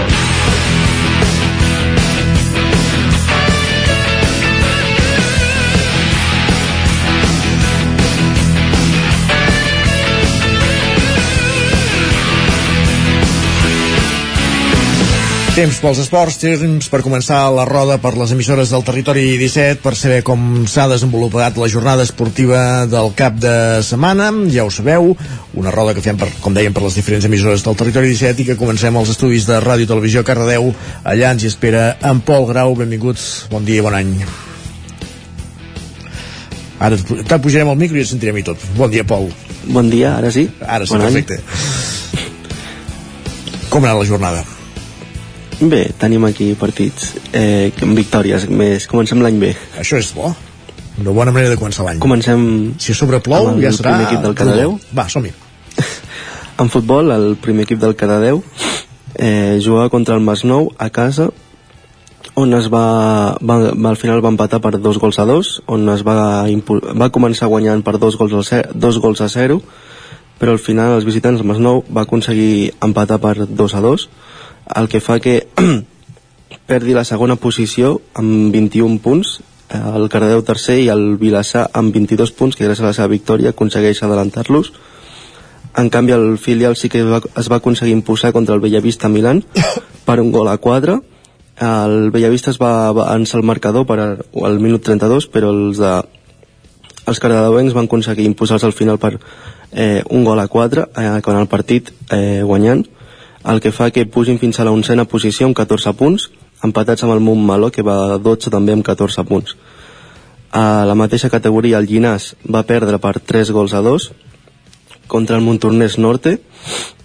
Van, van, van, van començar perdent els de Llinàs van aconseguir remuntar per un gol a 2 però al final els, els locals, el Montornès es va aconseguir imposar per 3 a 2 el que fa que perdi també la vuitena posició amb el Llerona, empatats els dos a 20 punts, i el Granollers jugava fora de casa contra el Caldes de Montbui, també va començar perdent per un gol a 0, però al final es va imposar per un gol a 2, i el Granollers sí que guanya una posició, es posa segon, amb 24 punts, empatat a, a 24 també amb el Lloret, que va tercer, a només eh, 7 punts del primer, que és l'escala. Uh -huh. I acabem amb el Derbi, bàsquet anem pel bàsquet. I el bàsquet granollers jugava fora de casa contra el Pajarraco Sant Feliuenc que va perdre per 94-76 el que fa que es mantingui a la vuitena posició eh, amb eh, els, he perdut els punts Molt bé. amb, És vuitè, això sí ho tenim clar, eh? Sí, amb 17 punts. Perfecte. Empatat amb bastants, amb 5 equips més que estan amb 17 punts. O sigui, ja, ja, ja hi ha rival, rivalitat igual, igualada. Molt bé, Pol. Gràcies. Fins ara. A tu. Continuem aquest recorregut per les emissores del territori 17, que encara al Vallès Oriental anem fins a una codinenca. Uh, avui saludem allà en Roger Rams. Benvingut i bon any. Bon dia, què tal? Bon any. Moltes gràcies per aquesta benvinguda, encantat d'estar aquí amb vosaltres. Perfecte. Explica'ns Ah. com ha anat la jornada, va, digues.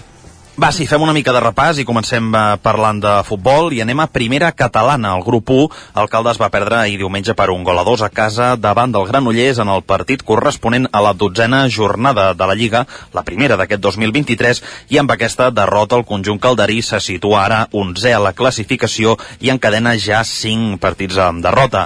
Canviem de categoria i anem a la tercera catalana de futbol on s'ha disputat la jornada 14 i on el Mollà ha començat l'any perdent per un gol a 3 a casa davant del Vic. Malgrat tot, els moianesos segueixen líders amb 31 punts. En canvi, per la seva banda, el Sant Feliu de Codina es va empatar a dos dissabte al camp del Sant Julià de Vilatorta amb dianes de Dida Conill i José Luis Nortes, que situen l'equip en setena posició amb 24 punts acumulats.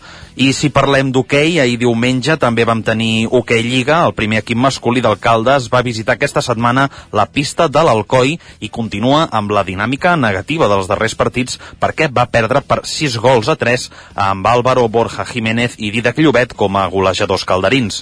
El conjunt entrenat per Eduard Candami és ara setè a la classificació amb 18 punts. I en canvi, el primer equip femení del Vigues i Riells va debutar amb victòria contundent en aquest 2023 després de guanyar per 4 gols a 1 davant l'Igualada, fet que manté a les noies del Vigues i Riells sisenes a la taula amb 17 punts. Perfectíssim, moltíssimes gràcies, Roger. Gràcies. Bon dia.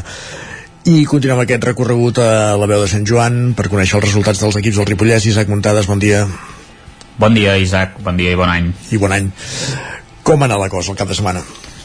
Doncs mira, comencem parlant de futbol, ho fem anant al grup eh, 18 de la tercera catalana. Eh, comencem per una mala notícia perquè la Badesenc s'està desinflant a poc a poc i porta tres partits sense guanyar després de caure al camp del Sant Pons per 2 a 0. Ara mateix els Sant Joanins són tercers amb 27 punts i precisament el seu rival els va superar la classificació i en té un més.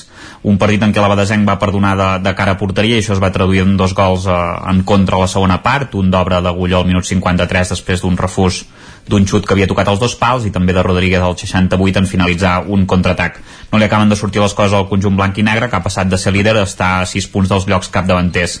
En canvi, el Candànol sí que està en una bona dinàmica i porta 4 triomfs consecutius després de vèncer a casa per la mínima a l'escola de futbol del Garrotxa per 1 a 0, amb un solitari gol de Maideu passada a la mitja hora de joc que va superar el porter amb un gran xut des de fora l'àrea que era, va ser imparable. I el Camp Dànol doncs, va fer un bon partit amb el domini de la pilota i també va tenir un pal d'anguita davant d'un cué que ha fitxat jugadors de gran nivell però que no va ser suficient per guanyar eh, a Can de. Els canaulencs ara són cinquens amb 27 punts, els mateixos que la Badesenc i qui va ressuscitar va ser el Camprodon que ara es desem 18 punts després de golejar per 1 a 5 al Cornellà de Terra en un gran partit dels camprodonins el descans ja s'hi va arribar amb un 0-4 favorable al Camprodon amb gols d'Edu Planella per partida doble amb una bona jugada personal i una rematada dins l'àrea i també els gols de Polete i Abde després d'un parell de bones jugades. Moja va posar la maneta a la represa en una altra bona jugada i Anuar va aprofitar una vegada defensiva per fer el gol de l'honor. I per acabar, la primera nacional de futbol sala, l'escola de futbol sala Ripoll Servicat, doncs també una bona notícia perquè va derrotar l'Atlètic a Raona per un contundent 8 a 3, els ripollesos ara ja són 8 anys amb 18 punts i tenen 3 quarts de la permanència a la butxaca. La primera part eh, doncs, va començar amb un 2 a 0, els visitants es van posar 2 a 1 i 3 a 2, però el Ripoll doncs, va ser capaç d'atropellar el seu rival després del 4 a 3 en què va aconseguir 4 dianes més eh, per sentenciar Cortacans amb un triplet Zerri amb dos gols i Germán Esquís i Rivera van ser els golejadors dels ripollesos. Perfectíssim, gràcies Isaac. Fins ara. Fins ara. I acabem aquest recorregut als estudis del 9FM, aquí ens espera un dia més l'Ester Rovira. Benvinguda, bon any. Bon any, bon dia. Bon dia. Uh, per repassar els resultats dels equips usonencs aquest cap de setmana. No sé si un cap de setmana marcat per exemple per la classificació del Voltregà a la Copa del Rei d'hoquei de, patins. Exacte, és una de, de les notícies d'aquest primer cap de setmana de, de l'any, d'aquest 2023 uh, el Voltregà que, que s'ho jugava tot en aquesta, en aquesta última uh, jornada de la primera volta de, de l'hoquei Lliga uh, que era unificada i els de Sant Hipòlit que, que van ser capaços de, de superar el Noia per per 4 a 6 eh, en un final d'infart, però és que a més a més no només depenien d'ells, sinó també del Lleida i van aprofitar eh, la derrota de, dels lleidatans per 5 a 2 a la, a la pista del, del Liceu per aconseguir eh, aquest eh, bitllet de, de la vuitena posició per poder disputar la, la Copa del Rei que es disputarà a principis de, de març del 2 al 5 eh, concretament a, a Calafell. Eh, per tant, això que dèiem, eh, notícia eh, destacada de, del primer cap de setmana setmana de, de l'any. Uh, L'altra també és que el Martinelli a Manlleu, també en hoquei patins, uh, comença amb victòria a la Lliga Europea. Aquest cap de setmana també es disputava la, la primera fase de la competició femenina d'enguany i les malleuenques que van superar per 1 a 3 el Liceu a domicili en un bon partit en general de les de Jordi Boada. Això pel que fa uh, a l'hoquei, en el cas de, del futbol, a la tercera federació hem de dir que el Tona va patir una derrota dura per 4-0 al camp del Sant Andreu.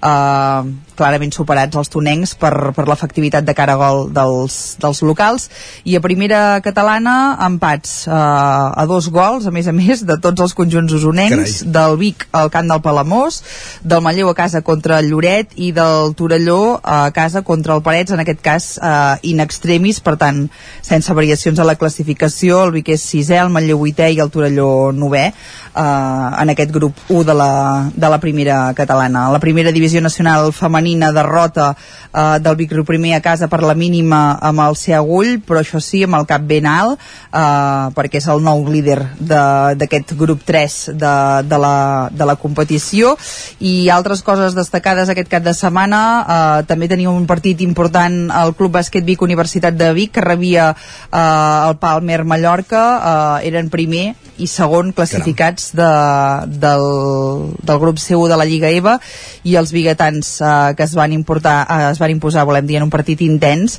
eh, per 76 a 68 eh, i d'aquesta manera doncs, són més líders de, de la classificació amb 22 punts. Eh, també hem de parlar eh, del Dakar, que continua en, en marxa, marxa sí. eh, aquests dies, tot i que avui hi ha jornada de, de descans eh, i el més destacat en clau és que Gerard Ferrés s'ha posat eh, quart a la classificació de, dels buguis, eh, retallant posicions respecte al líder provisional de la seva categoria, que és la, la T4, Roques Baciuca, i per tant... Eh, manté opcions. Eh, manté opcions de, de la victòria de cara a aquesta segona setmana, que ell abans de marxar ja ho deia, que seria clau, eh, i és a, sis, a poc més de 6 minuts del líder, per tant, eh, amb opcions encara d'aconseguir la, la victòria, que, que com dèiem, ell tenia claríssim que aquest any es disputaria a la segona jornada de competició i acabem eh, explicant que eh, anem anar parlant aquests dies però que ens espera una setmana de, de ciclocross a, sí. a Vic, tota una setmana dedicada a aquesta modalitat hivernal aquest eh, cap de setmana s'ha disputat la Copa Catalana el proper eh, es disputarà el Campionat d'Espanya de, que feia més de 30 anys que no es feia a Catalunya per tant eh, ens ve una setmana de, de molta Intensa. activitat uh -huh. i en, pel que fa aquest que acabem de passar, això que dèiem, novè Gran Premi Ciutat de, de Vic, on la victòria en categoria elit va ser per Jofre Cullell i en categoria femenina per Blanca Vallès, eh, organitzat tot plegat pel Jofre Vic ETV en col·laboració amb la, amb la Federació Catalana i també bones, eh, bons resultats i podis de, de diversos ciclistes de la comarca perquè recordem que el ciclocross és una modalitat que té, que té molts seguidors eh, eh, això, en les diverses categories eh, tant les màsters com les, com les eh, de promoció i aquest cap de setmana eh, també diversos esportistes usonencs eh, com Roc Cubí, Maria Gutiérrez, Aleix Huescar eh, o Aleix Casanovas eh, formaran part de la, de la selecció catalana que competirà en aquest campionat d'Espanya, de, per tant haurem de continuar-ne molt pendents i això seria grans trets eh, la informació més destacada d'aquest primer cap de setmana eh, del 2023. Doncs amb això convidem la gent a anar a veure l'espectacle del ciclocross a la zona esportiva de Vic aquests propers dies. Exacte. Moltíssimes Moltíssimes gràcies, Esther. Que vagi molt bé. Bon dia. Adéu. Adéu. I avancem al territori 17. Ara tot seguit fem una petita pausa per la publicitat, però no marxeu perquè després ja tenim a punt en Guillem Sánchez amb les piolades i la tertúlia esportiva. Fins ara mateix.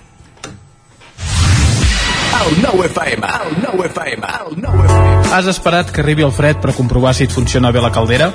No pateixis, a Casa Jové som especialistes en manteniment, reparació i revisió d'equips d'aigua calenta i calefacció, tant en l'ambient domèstic com industrial. Si tens una avaria, no ho dubtis. Som Casa Jové. Ens trobaràs al carrer Girona, número 9 de Vic i al telèfon 93 886 1596. Casa Jové, el teu servei tècnic de confiança.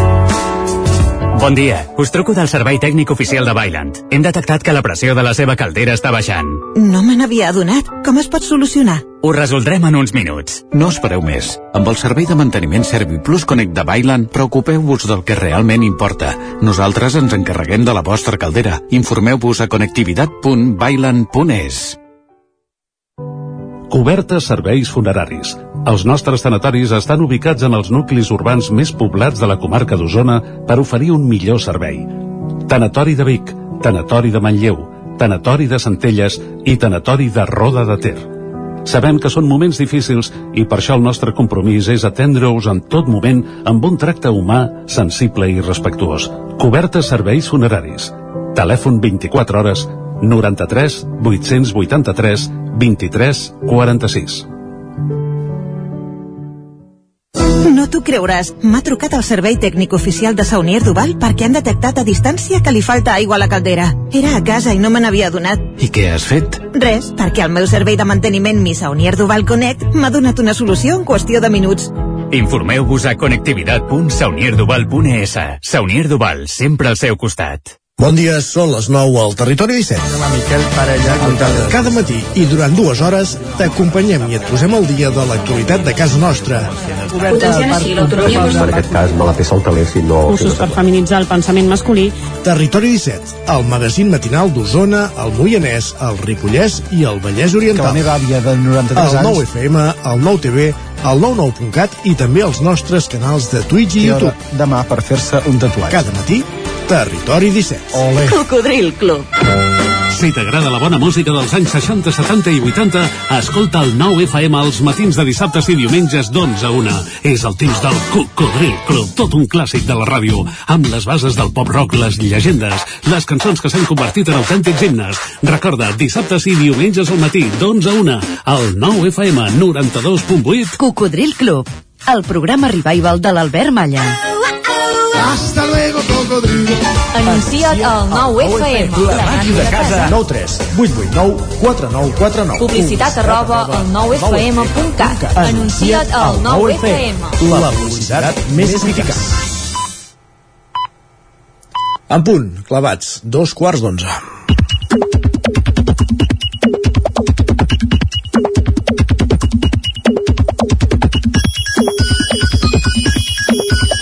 I aquesta sintonia ens indica que ja ens acompanya en Guillem Sánchez a l'estudi, carregat de piolades. Guillem Sánchez, benvingut, bon dia. Què bon tal? any. Bon any, igualment, Isaac, bon any. És que des de l'any passat que no ens vèiem, eh? Correcte, em sembla que feia un parell de setmanetes o una o deu dies, no sé, jo ja no ho recordo. No, no, una setmana. Una perquè setmana em sembla que només? l'últim de l'any vam treballar tots dos. Ah, doncs mira, sí, devia ser, devia ser això, devia ser això. Va, hora de tornar a la rutina amb l'arribada, com dèiem, eh, del mes de gener i no podíem començar aquesta secció d'una altra manera que no sigui amb el tuit d'en Pep Acosta. Iam. Quines ganes que sigui dilluns i quines ganes que el cos torni a la rutina. En Pep, eh, això no ho diu, però tothom ho sap. És molt discutible per això, eh, aquesta no, afirmació que ens fa. ell, ell eh, això d'estar-se 15 dies sense haver fet la previsió del temps pel territori 17 el treu de. Perfecte, deu I, ser clar, això, molt Per ben- ell tornar a la rutina vol dir començar bé el dia ja, per exemple, fent la previsió del temps. Molt ben argumentat, La qual Isaac. cosa li agraïm molt. I tant, i tant que sí. Va, i respon també el nostre company en Jordi Vilarrodà amb un altre comentari d'aquells que desprenen optimisme. Ja. Diu, sabeu aquell dia que els catalans hem convingut en denominar passat festes? Doncs és avui, i falten gairebé 3 mesos per Setmana Santa, que no sigui res. D'aquí 4 dies, Nadal. Energia, energia. I li respon per això l'Enric amb el següent argument. Li diu, passat festes va de baixa perquè en castellà diuen després de fiestes i els catalans ho calquen. Passat festes només ho diem dues vegades a l'any per referir-nos a les festes de Nadal i per referir-nos a les festes de Pasqua.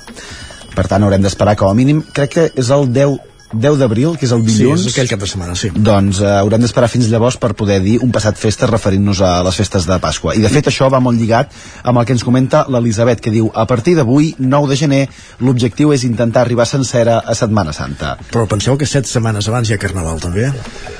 Per tant, una mica de disbauxa. Aquest cap de setmana una miqueta de disbauxa. Va, molta gent torna avui a la feina i els alumnes de totes les edats també tornen avui a classe. Llegim el que ens diu en Joel. Què diu en Joel? Tornar un dilluns i fer l'horari sencer amb tota la setmana per endavant és un crim que encara l'Esporta hauria d'investigar. Ostres, és que la gent no li Sí, està bé res, eh? No li està bé res i se li, se li gira molta, molta, molta feina. I la Marina, crec, avui que s'ha llevat una mica tard, no sé si per les festes també d'aquests dies, diu primer dia i perdo l'autobús. No sé si això són senyals que li estan Això indicant el, que... tren no passaria, perquè com que no mai va puntual, mira. Però això no sé si són senyals que li estan dient a la, a la uh, Marina que, es no ha d'anar a classe, que no ha d'anar a classe, clar. Uh, això, mira, s'ho pot agafar per aquesta, per aquesta via. També. Però abans toca canviar una mica de tema i plantejar-nos una qüestió molt més transcendent que tot el que parlàvem fins ara. Parem màquines, doncs. Atenció a la reflexió que ens fa Liu quan tot torna a començar. Ens diu, llargues dissertacions s'han fet ja de la gent que posa pinya a les pizzas i o fa les truites de patates sense ceba, però hi ha insensats que no posen sal al pa amb tomàquet. Us ho prometo. Sóc un d'ells, ja t'ho diré. Ja, ja t'ho diré. És que hi ha molta gent que li ha respost de la següent manera com fa la Georgina que li diu ostres, estic en aquests tres grups, què em toca fer? Home, jo la pinya a la pizza no. Uh, L'altre quin era? L'altre era el de la truita de patates sense ceba. Sí, pot sense ceba, ja m'agrada també. Correcte. Però el, de- el pa amb tomàquet, bé, bé, va, va bé pa amb tomàquet i oli, sí, sí. Jo és que potser eh, diria que hi poso més sal amb el pa torrat i no el pa amb tomàquet, si s'hi ha de posar alguna vegada o, o no. Bé, mm, pff, no ho sé. No ho sé. Va, i parlant de menjar, la Núria li ve una mica de feina, ens escriu bueno, demà passat tocarà fer compra de menjar i de provisió de, de begudes energètiques per estudiar tot el que no he estudiat aquest Nadal. De fet, em sembla que aquesta és una realitat de moltes persones que suposo que volien fer moltes coses per aquests dies de festa aprofitant que no hi havia classe o que no hi havia feina o que no hi havia activitat normal i se li deu haver tirat a la mandra una, una miqueta a sobre, Però no? que no s'enganyi, eh? no calen les begudes energètiques. No? No, home, no. I com se, com se soluciona si no has fet feina durant el Nadal, Isaac? Què has de fer? Fer, fer la feina ara, però sense, feina. sense aquesta mena d'incentius artificials, home. Va, perfecte, perfecte, va. I per acabar, uh, que li diguin si no aquest usuari, a veure si la mandra s'ha apoderat d'ell, diu algú que m'expliqui per què he tingut la nefasta idea de quedar per anar a caminar amb lo bé que estic al sofà.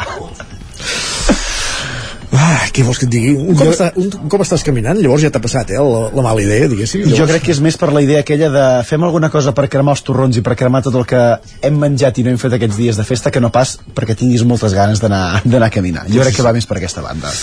Molt bé. Ens escoltem demà, Isaac. Em sembla que algú ja s'està fent la tertúlia a sobre, Sí, perquè sento veus, eh? sí, fons, estem escoltant voces. una mica de veus. Doncs va, anem cap a la tertúlia, fins ara. Que vagi bé. Territori 17. El 9 FM, la veu de Sant Joan, Ona Codinenca, Ràdio Cardedeu, Territori 17.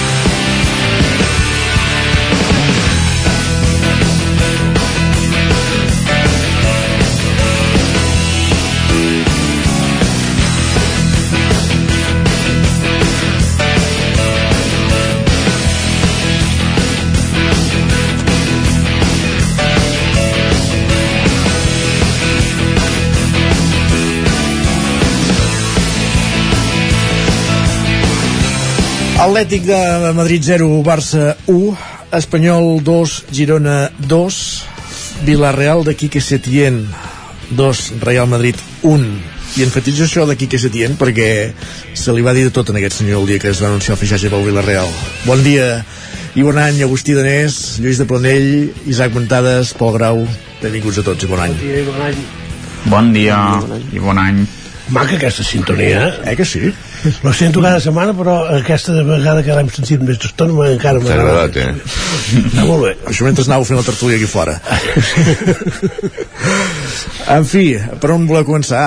El més recent és l'Atlètic 0, Barça 1. Partit sofert, però amb 3 punts al Ferró. Qui ha de començar? Oh, un culer, perquè, esclar.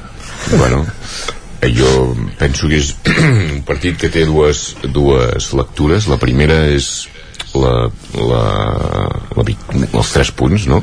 Guanyant un camp important, en un camp difícil, perquè eh, és aquells partits que veient el que havia passat el dia abans eh, eh, el camp de Villarreal doncs et reforça no? en, el, en el liderat i era un partit que jo dic té aquestes dues lectures una són els punts i l'altra aquesta part més intangible de, de reforçar-te, no? El Barça venia de, de l'ensopegada a casa amb l'Espanyol, un partit que el tenia guanyat i el va acabar empatant, i, el, i aquesta sensació tota estranya de, de la Copa amb un equip amb un equip molt petit i que, i que va, va guanyar perquè havia de guanyar però bueno, eh, va patir més, més del compte i era un partit d'aquests perillosos no? a més sense el Lewandowski que hi havia tot de circumstàncies la derrota del Madrid i en canvi penso que, que el Barça va, el, el, diguem, al final el, el resultat, i el resultat no vull dir el marcador sinó vull dir el conjunt del que va passar de, del marcador, l'actitud el- el- l'escenari el rival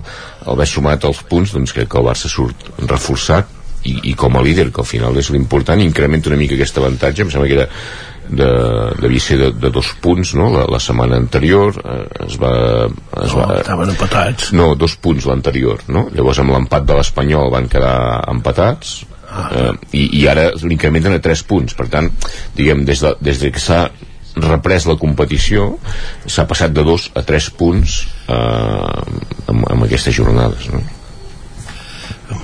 Punts que ha perdut el Madrid, per cert. Bueno, i més que en perdrà i el Barça també en perdrà algun però jo crec que el Madrid en, en perdrà més de punts, crec que en perdrà molts el Madrid de punts i que, que, i, que, i que els blancs acabaran la temporada en blanc i és, és el, vaig, vaig, No, ja no, perquè vam guanyar la Supercopa d'Europa. Bueno, no. Això, això vas dir la temporada passada, eh? Tot, Eh? Per fer el sext... temporada per passada vaig equivocar pur. molt. No, la temporada passada vaig dir, vaig dir que vaig dir Que vaig dir que el Madrid eh, d'ara al 2030 no, que la pròxima Champions No guanyaria cap metge. una, una vaig dir, Una. ja, ja l'han guanyada Ah, ja, ja, ja. Ara, el que, ara el que no tinc és marge d'error o sigui, no és que m'equivoqués Ara ja ara no tinc marge d'error, però vaig dir una i ja, ja està guanyada no? que... Si guanyem aquesta ja, Llavors, ja sí, sí, hauràs de tinc- marxar de la tertúlia, no, podràs tornar mai més. no, eh? no tinc marge d'error jo ho deia pel tema del bar, eh? el meu argument era el bar de dir que Ah. Bé, el Sí, sí. Madrid ha guanyat una Champions amb Bària. Sí, no, és que jo sempre dic que, que el Madrid ja en guanyarà de Champions, com en guanyarà el Barça, com en guanyarà el Liverpool, tots els grans guanyaran Champions. El que, el que no és normal és que el Madrid guanyés tantes Champions seguides, i això amb el Bar ja no passarà. Jo, aquesta era la, me la meva tesi. Llavors jo deia, bueno, d'ara al 2030 la pròxima serà el 2030, o sigui, d'ara al 2030, una, ja l'han guanyada. Per tant, ara ja no tinc marge d'error. Fins al 31. I és molt llarg, això, eh? Fins Sí, al 30. 2030 queden anys, però no, no, no m'equivocaré de gaire. De totes maneres, amb el bar ja veus quins penals es xiulen, eh? Sí, sí, sí. Però el bar, Bueno. no, el bar no, no, no, ja no es pot anar discutint el bar. Jo crec que és un avenç que és molt, molt, molt notable, Però molt no, no, notable, amb aquests que, ha tret, que, ha tret, que ha tret molta pressió en els arbitratges i sobretot en els àrbitres assistents, en els líniers, i tu, i, i, El fora de joc ja ho entenc, però aquestes mans no, home, no. i Ni sempre hi ni pot haver una mica de polèmica. Però això ha estat un avenç increïble. Però si ho Sobretot la d'Àlava, que està caient, el pobre home. És que a més a més es veu que cau, que està relliscant. Sí, sí, no, no bueno, incomprensible. Però bueno, n'havia pitat un al minut abans, que també era una mica així, i suposo que devia pensar, anem a compensar que és el que fan els àrbits ara actualment a la primera divisió no? que intenten compensar d'alguna manera perquè no es digui que al Madrid li xiulen no sé quants penals, l'altre dia ja m'ho vaig tornar a haver de sentir que al Madrid li xiulen molts penals d'una persona que em vaig trobar que ens han xiulat com 20 penals i va dir, home, 20 penals no ens han xiulat però és que tots els que ens han xiulat eren penals la majoria, vull que, dir, ara, que, el- no que, sé el- que el Madrid li xiulin penals i que el Barça li xiulin penals és lògic, perquè juguen a l'atac. És normal. Juguen a Estàs a dins- estàs més estona dins l'àrea. És lògic. És lògic. Això, jo crec que ens s'ha de Sí, parlar sí. menys de, dels àrbitres i que al final eh, Exacte. sempre la majoria de vegades acaben guanyant els bons. Aquesta frase, aquesta frase la, la dius quan el Barça no, va primer, eh? no. Però quan el Barça no va primer, llavors La dic sempre. ja no la dius, no, eh? la dic sempre, la dic sempre. La dic Oi, els sempre. culers, oi, els culers. La dic sempre, la dic sempre. I el, el principal problema del Barça és el Barça. Vull dir, el dia de l'Espanyol, el Barça eh, fa riure el que va fer el Barça el dia de l'Espanyol perquè havia de guanyar clarament, a més jugant a casa marcant d'hora com, com van marcar i es van anar deixant que es anés, que es anés eh, diguem, complicant el partit fins que te l'empaten no, malament Des del 2004. de, de, de penal, no? Més, te l'empaten de Des del penal 2004 no ens havien xiulat un penal a favor contra el Barça. Bueno. 2004. Any nou, no, any nou, va ser l'últim partit de l'any, això. Sí, sí. Sí, Va exacte. acabar bé l'any. Sí, sí, sí. Però, però bueno, jo, jo lo important d'aquesta jornada jo penso que no, no és la Lliga Espanyola, és la Kings League.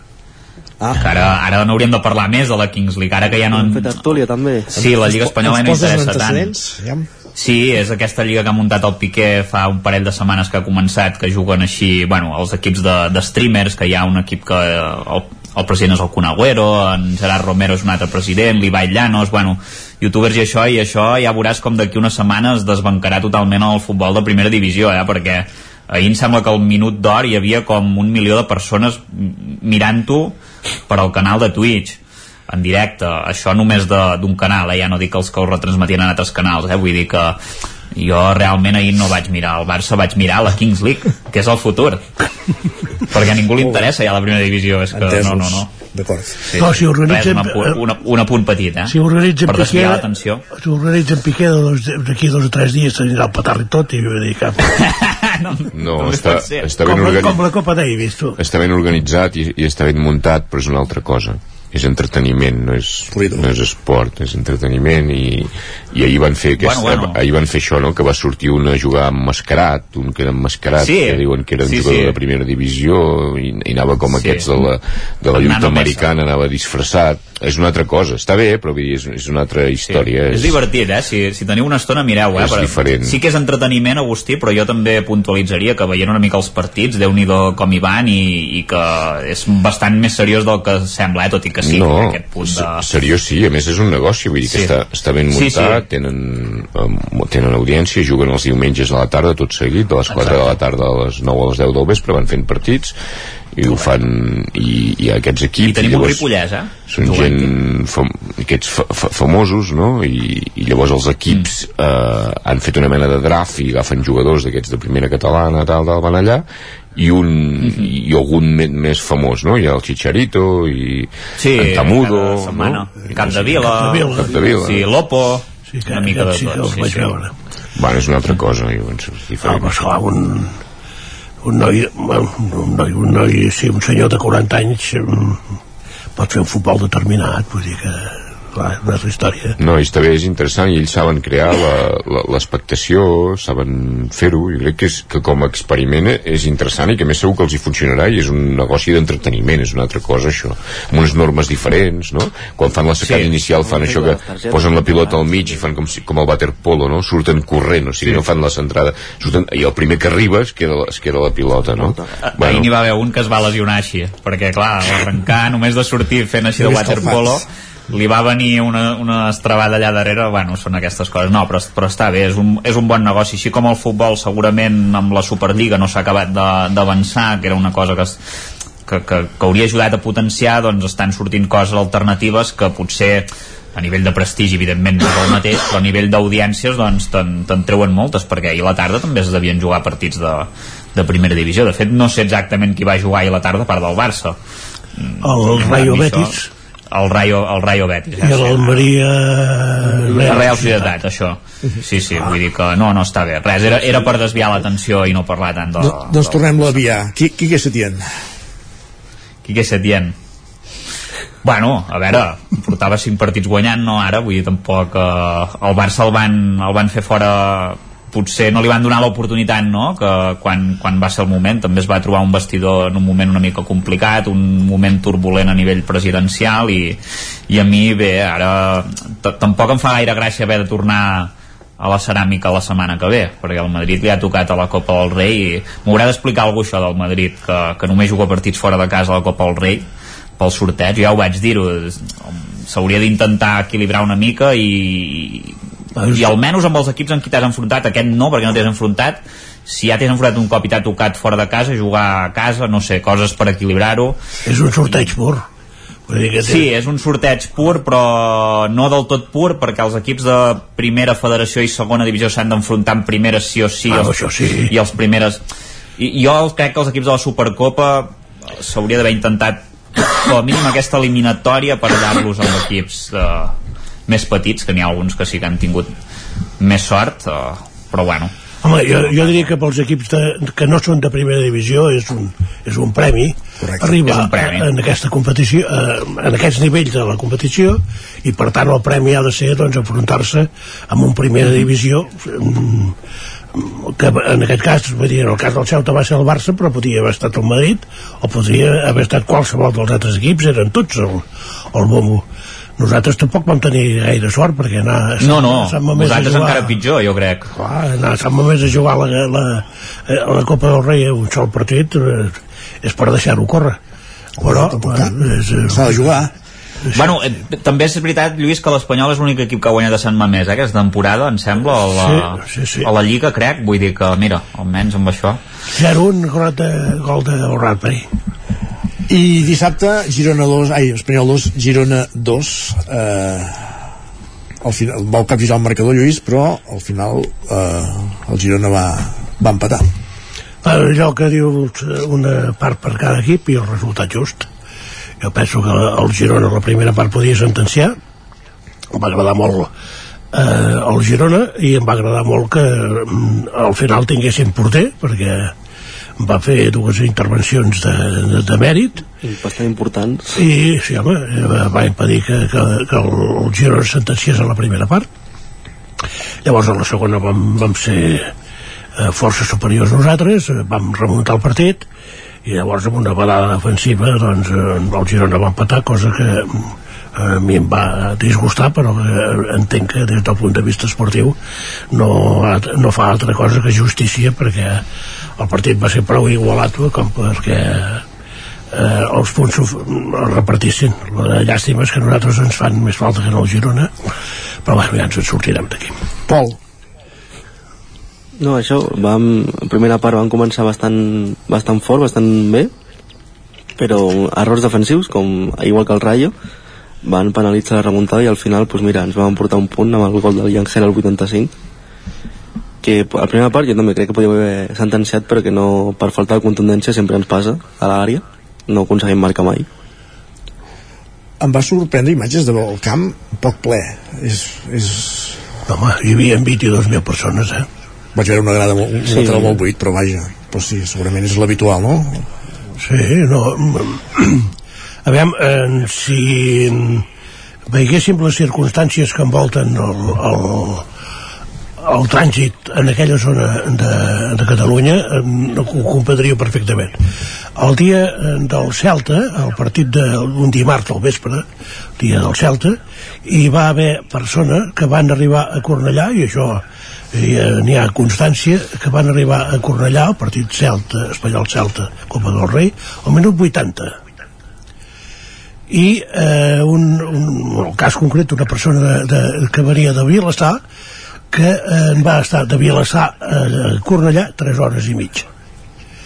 Vull dir el caos és, és, és, és absolut i jo diria que hi ha molta gent que es desdix de- d'anar a futbol per, precisament per aquestes circumstàncies. Eh, el, el dissabte contra el Girona era, era un caos absolut.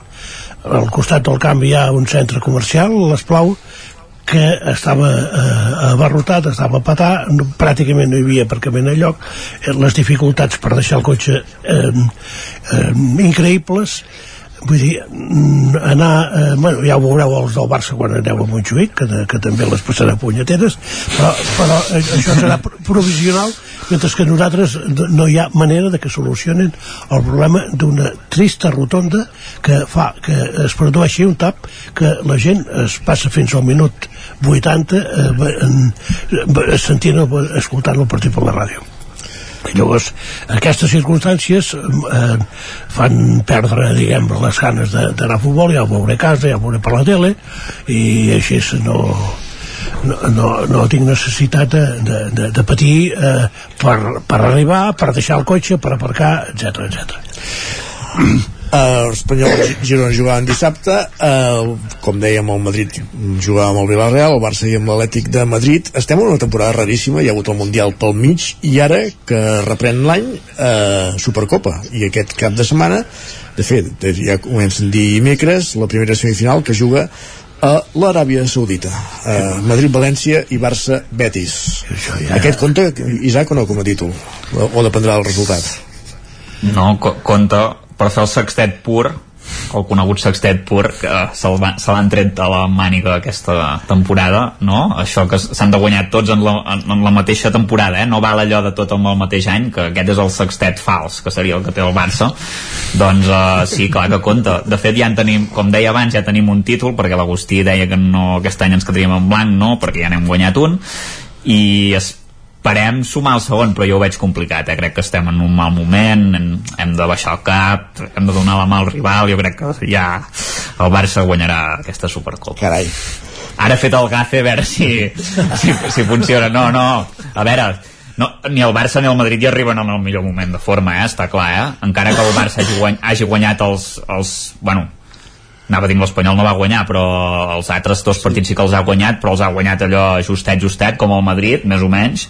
Uh, llavors uh, serà igualat. Ja veurem si arriben a passar. Millor tenim una final Betis-València i els de l'Aràbia Saudí diuen tu, què passa aquí? que nosaltres paguem perquè la final sigui Barça-Madrid no? I, i no s'hi colin altres equips que això ja, bueno, és una altra història. Jo preferiria que jugués a Espanya, ja ho he dit mil vegades la Supercopa d'Espanya, que per algú es diu així però serà, serà, serà igualada jo crec que té poc valor aquesta competició. És el, també el, el que dèiem el sol fet doncs, de que es jugui on es juga que es jugui amb el format que es juga i que es jugui amb les dates que es juga.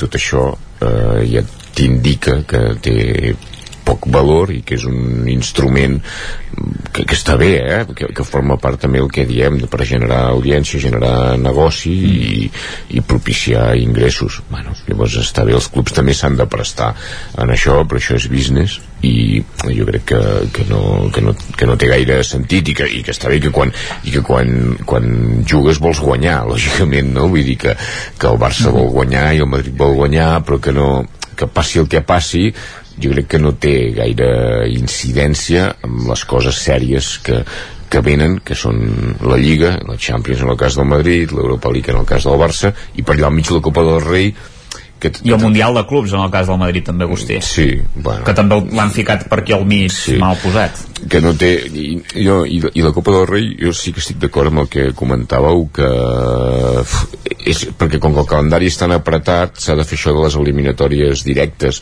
que fins a aquest, fins a aquest nivell potser té, potser té lògica però que ara ja, a partir de, a partir d'aquesta eliminatòria ja no té lògica això de, dir l'Espanyol al camp del l'any passat el Barça va eliminar el Bilbao a Sant Mamés també, crec, no? Un, un partit únic, un dia d'hivern allà no, el va, va perdre el Barça sí, per això, el va eliminar o, o sigui, el Barça Ah, vale, va, vale. va quedar eliminat eh, Sí, amb sí. una derrota al, al camp del, del Bilbao a partit únic quan llavors, bueno, a doble partit igual, igual a, a aquest nivell no? o, el que, o el tema del Madrid amb el Villarreal no? bueno, Uh, sí. està bé però, però potser és un risc exagerat quan són equips tots de, de primera divisió no? ja, jo sí que faria que, hi hagués, que, que fos a doble partit però s'entén també que per les dificultats d'encaixar totes les competicions en el calendari hagi de ser Mm. d'aquesta manera però poder perverteix una mica també té, té una part bueno, té una part estimulant que si no segurament doncs, eh, la final de l'any passat no hauria set la que, la que va ser no? el Betis-València no? això també dona lloc que hi pugui haver aquestes, aquestes sorpreses vull dir que hi ha aquesta part que és positiva però quan tu mires des de la part diguem més militant no? de, del, del, del teu equip bueno, és, és més, té més risc que això? Aquesta Supercopa, per exemple, no és que no compensa ni econòmicament en els equips que hauria de compensar, que són els més petits, que en aquest cas són el Betis i el València. Eh, equips que econòmicament estan en una situació desastrosa. Pràcticament no han pogut fitxar ningú. Cap, cap dels dos equips. Vull dir que ho han tingut eh, complicadíssim. I llavors el fet de que t'ingressin un, uns, un, alguns diners per la Copa de, de la Supercopa aquesta tampoc compensa. Vull dir que eh, no ho sé és, és un muntatge que això l'Aràbia suposo que deu tenir eh, eh, clar que sempre hi haurà el Barça i el Madrid. Són els equips que, que venen i els altres són de, de, de allà per, per omplir i mira, que passi l'estona i un, i un Barça-Madrid jo diria que es ven més a fora que no pas aquí ja vull dir que a fora és que està dir- fet per això que dius tu Lluís eh? perquè el Barça i el Madrid la juguin cada any perquè, a veure, siguem sincers és molt difícil que en una temporada el Barça i el Madrid no quedin primer i segon en el cas que es coli l'Atlètic de Madrid el Barça en la Copa del Rei sol fer-ho bastant bé i ha arribat a moltes finals els últims anys. Per tant ja és finalista, per tant ja sol ser-hi també. Llavors eh, crec que han participat des de que, des de que es fa en aquest format que no sé si porten tres temporades fent-ho en aquest format i aquesta serà la quarta ara no ho recordo, o quatre. Eh, han jugat sempre el Barça i el Madrid encara que hagin, l'hagin perdut o, o no hagin arribat a, a la final eh? però vull dir, sempre hi han jugat i, i curiosament l'Atlètic de Madrid que és un equip que, que potser també interessaria que hi fos perquè és el tercer equip d'Espanya doncs no sé si l'ha jugat només una vegada vull dir, és, és, és curiós eh? però i allò que deia l'Agustí que volia comentar-ho, eh, jo faria quarts a partir dels quarts de final a doble partit els vuitens crec que encara no, però els quarts de final sí. Ara només es fan les semifinals. El que passa és que ara ve competició mm. europea. Vull dir, sí. el, el Barça no, no se n'ha oblidat perquè, esclar, com que no juga a la Champions... No, el Barça no, el Barça, li té, el Barça té un rival de Champions, sí, també, però, no? Vull dir, l'eliminatòria... també, eh? L'eliminatòria del Barça és, és de I Champions. I encara més, perquè, perquè juguem a la Champions. I sabràs que no és la Champions perquè jugarà el dijous, per res més, eh? Sí, Home, sí que el, el, el, tant el Barça com el, de com el Manchester no són ma, massa europeus en aquests moments, eh? Agustí Danés, Lluís de Planell, Pol Grau, Isaac Montades, moltíssimes gràcies un dilluns més. Ens retrobem dilluns vinent. Adéu-siau, bon dia. Acabem aquí la tertúlia esportiva i acabem aquí el territori 17 d'avui dilluns, 9 de gener de 2023, primer programa de l'any, perquè hem començat eh, l'any avançat i moment d'acomiadar-nos. Us hem acompanyat des de les 9 del matí, Laura Serrat, Pepa Costa, Esther Rovira, Roger Rams, Pol Grau, Isaac Montades, Lluís de Planell, Agustí Anés, Sergi Vives i Isaac Moreno. I tornem demà, a partir de la mateixa hora. Fins aleshores, bon dilluns i gràcies per ser-hi. Adéu-siau. Territori 17, un magazín del nou FM. La veu de Sant Joan, Ona Codinenca i Ràdio Cardedeu amb el suport de la xarxa.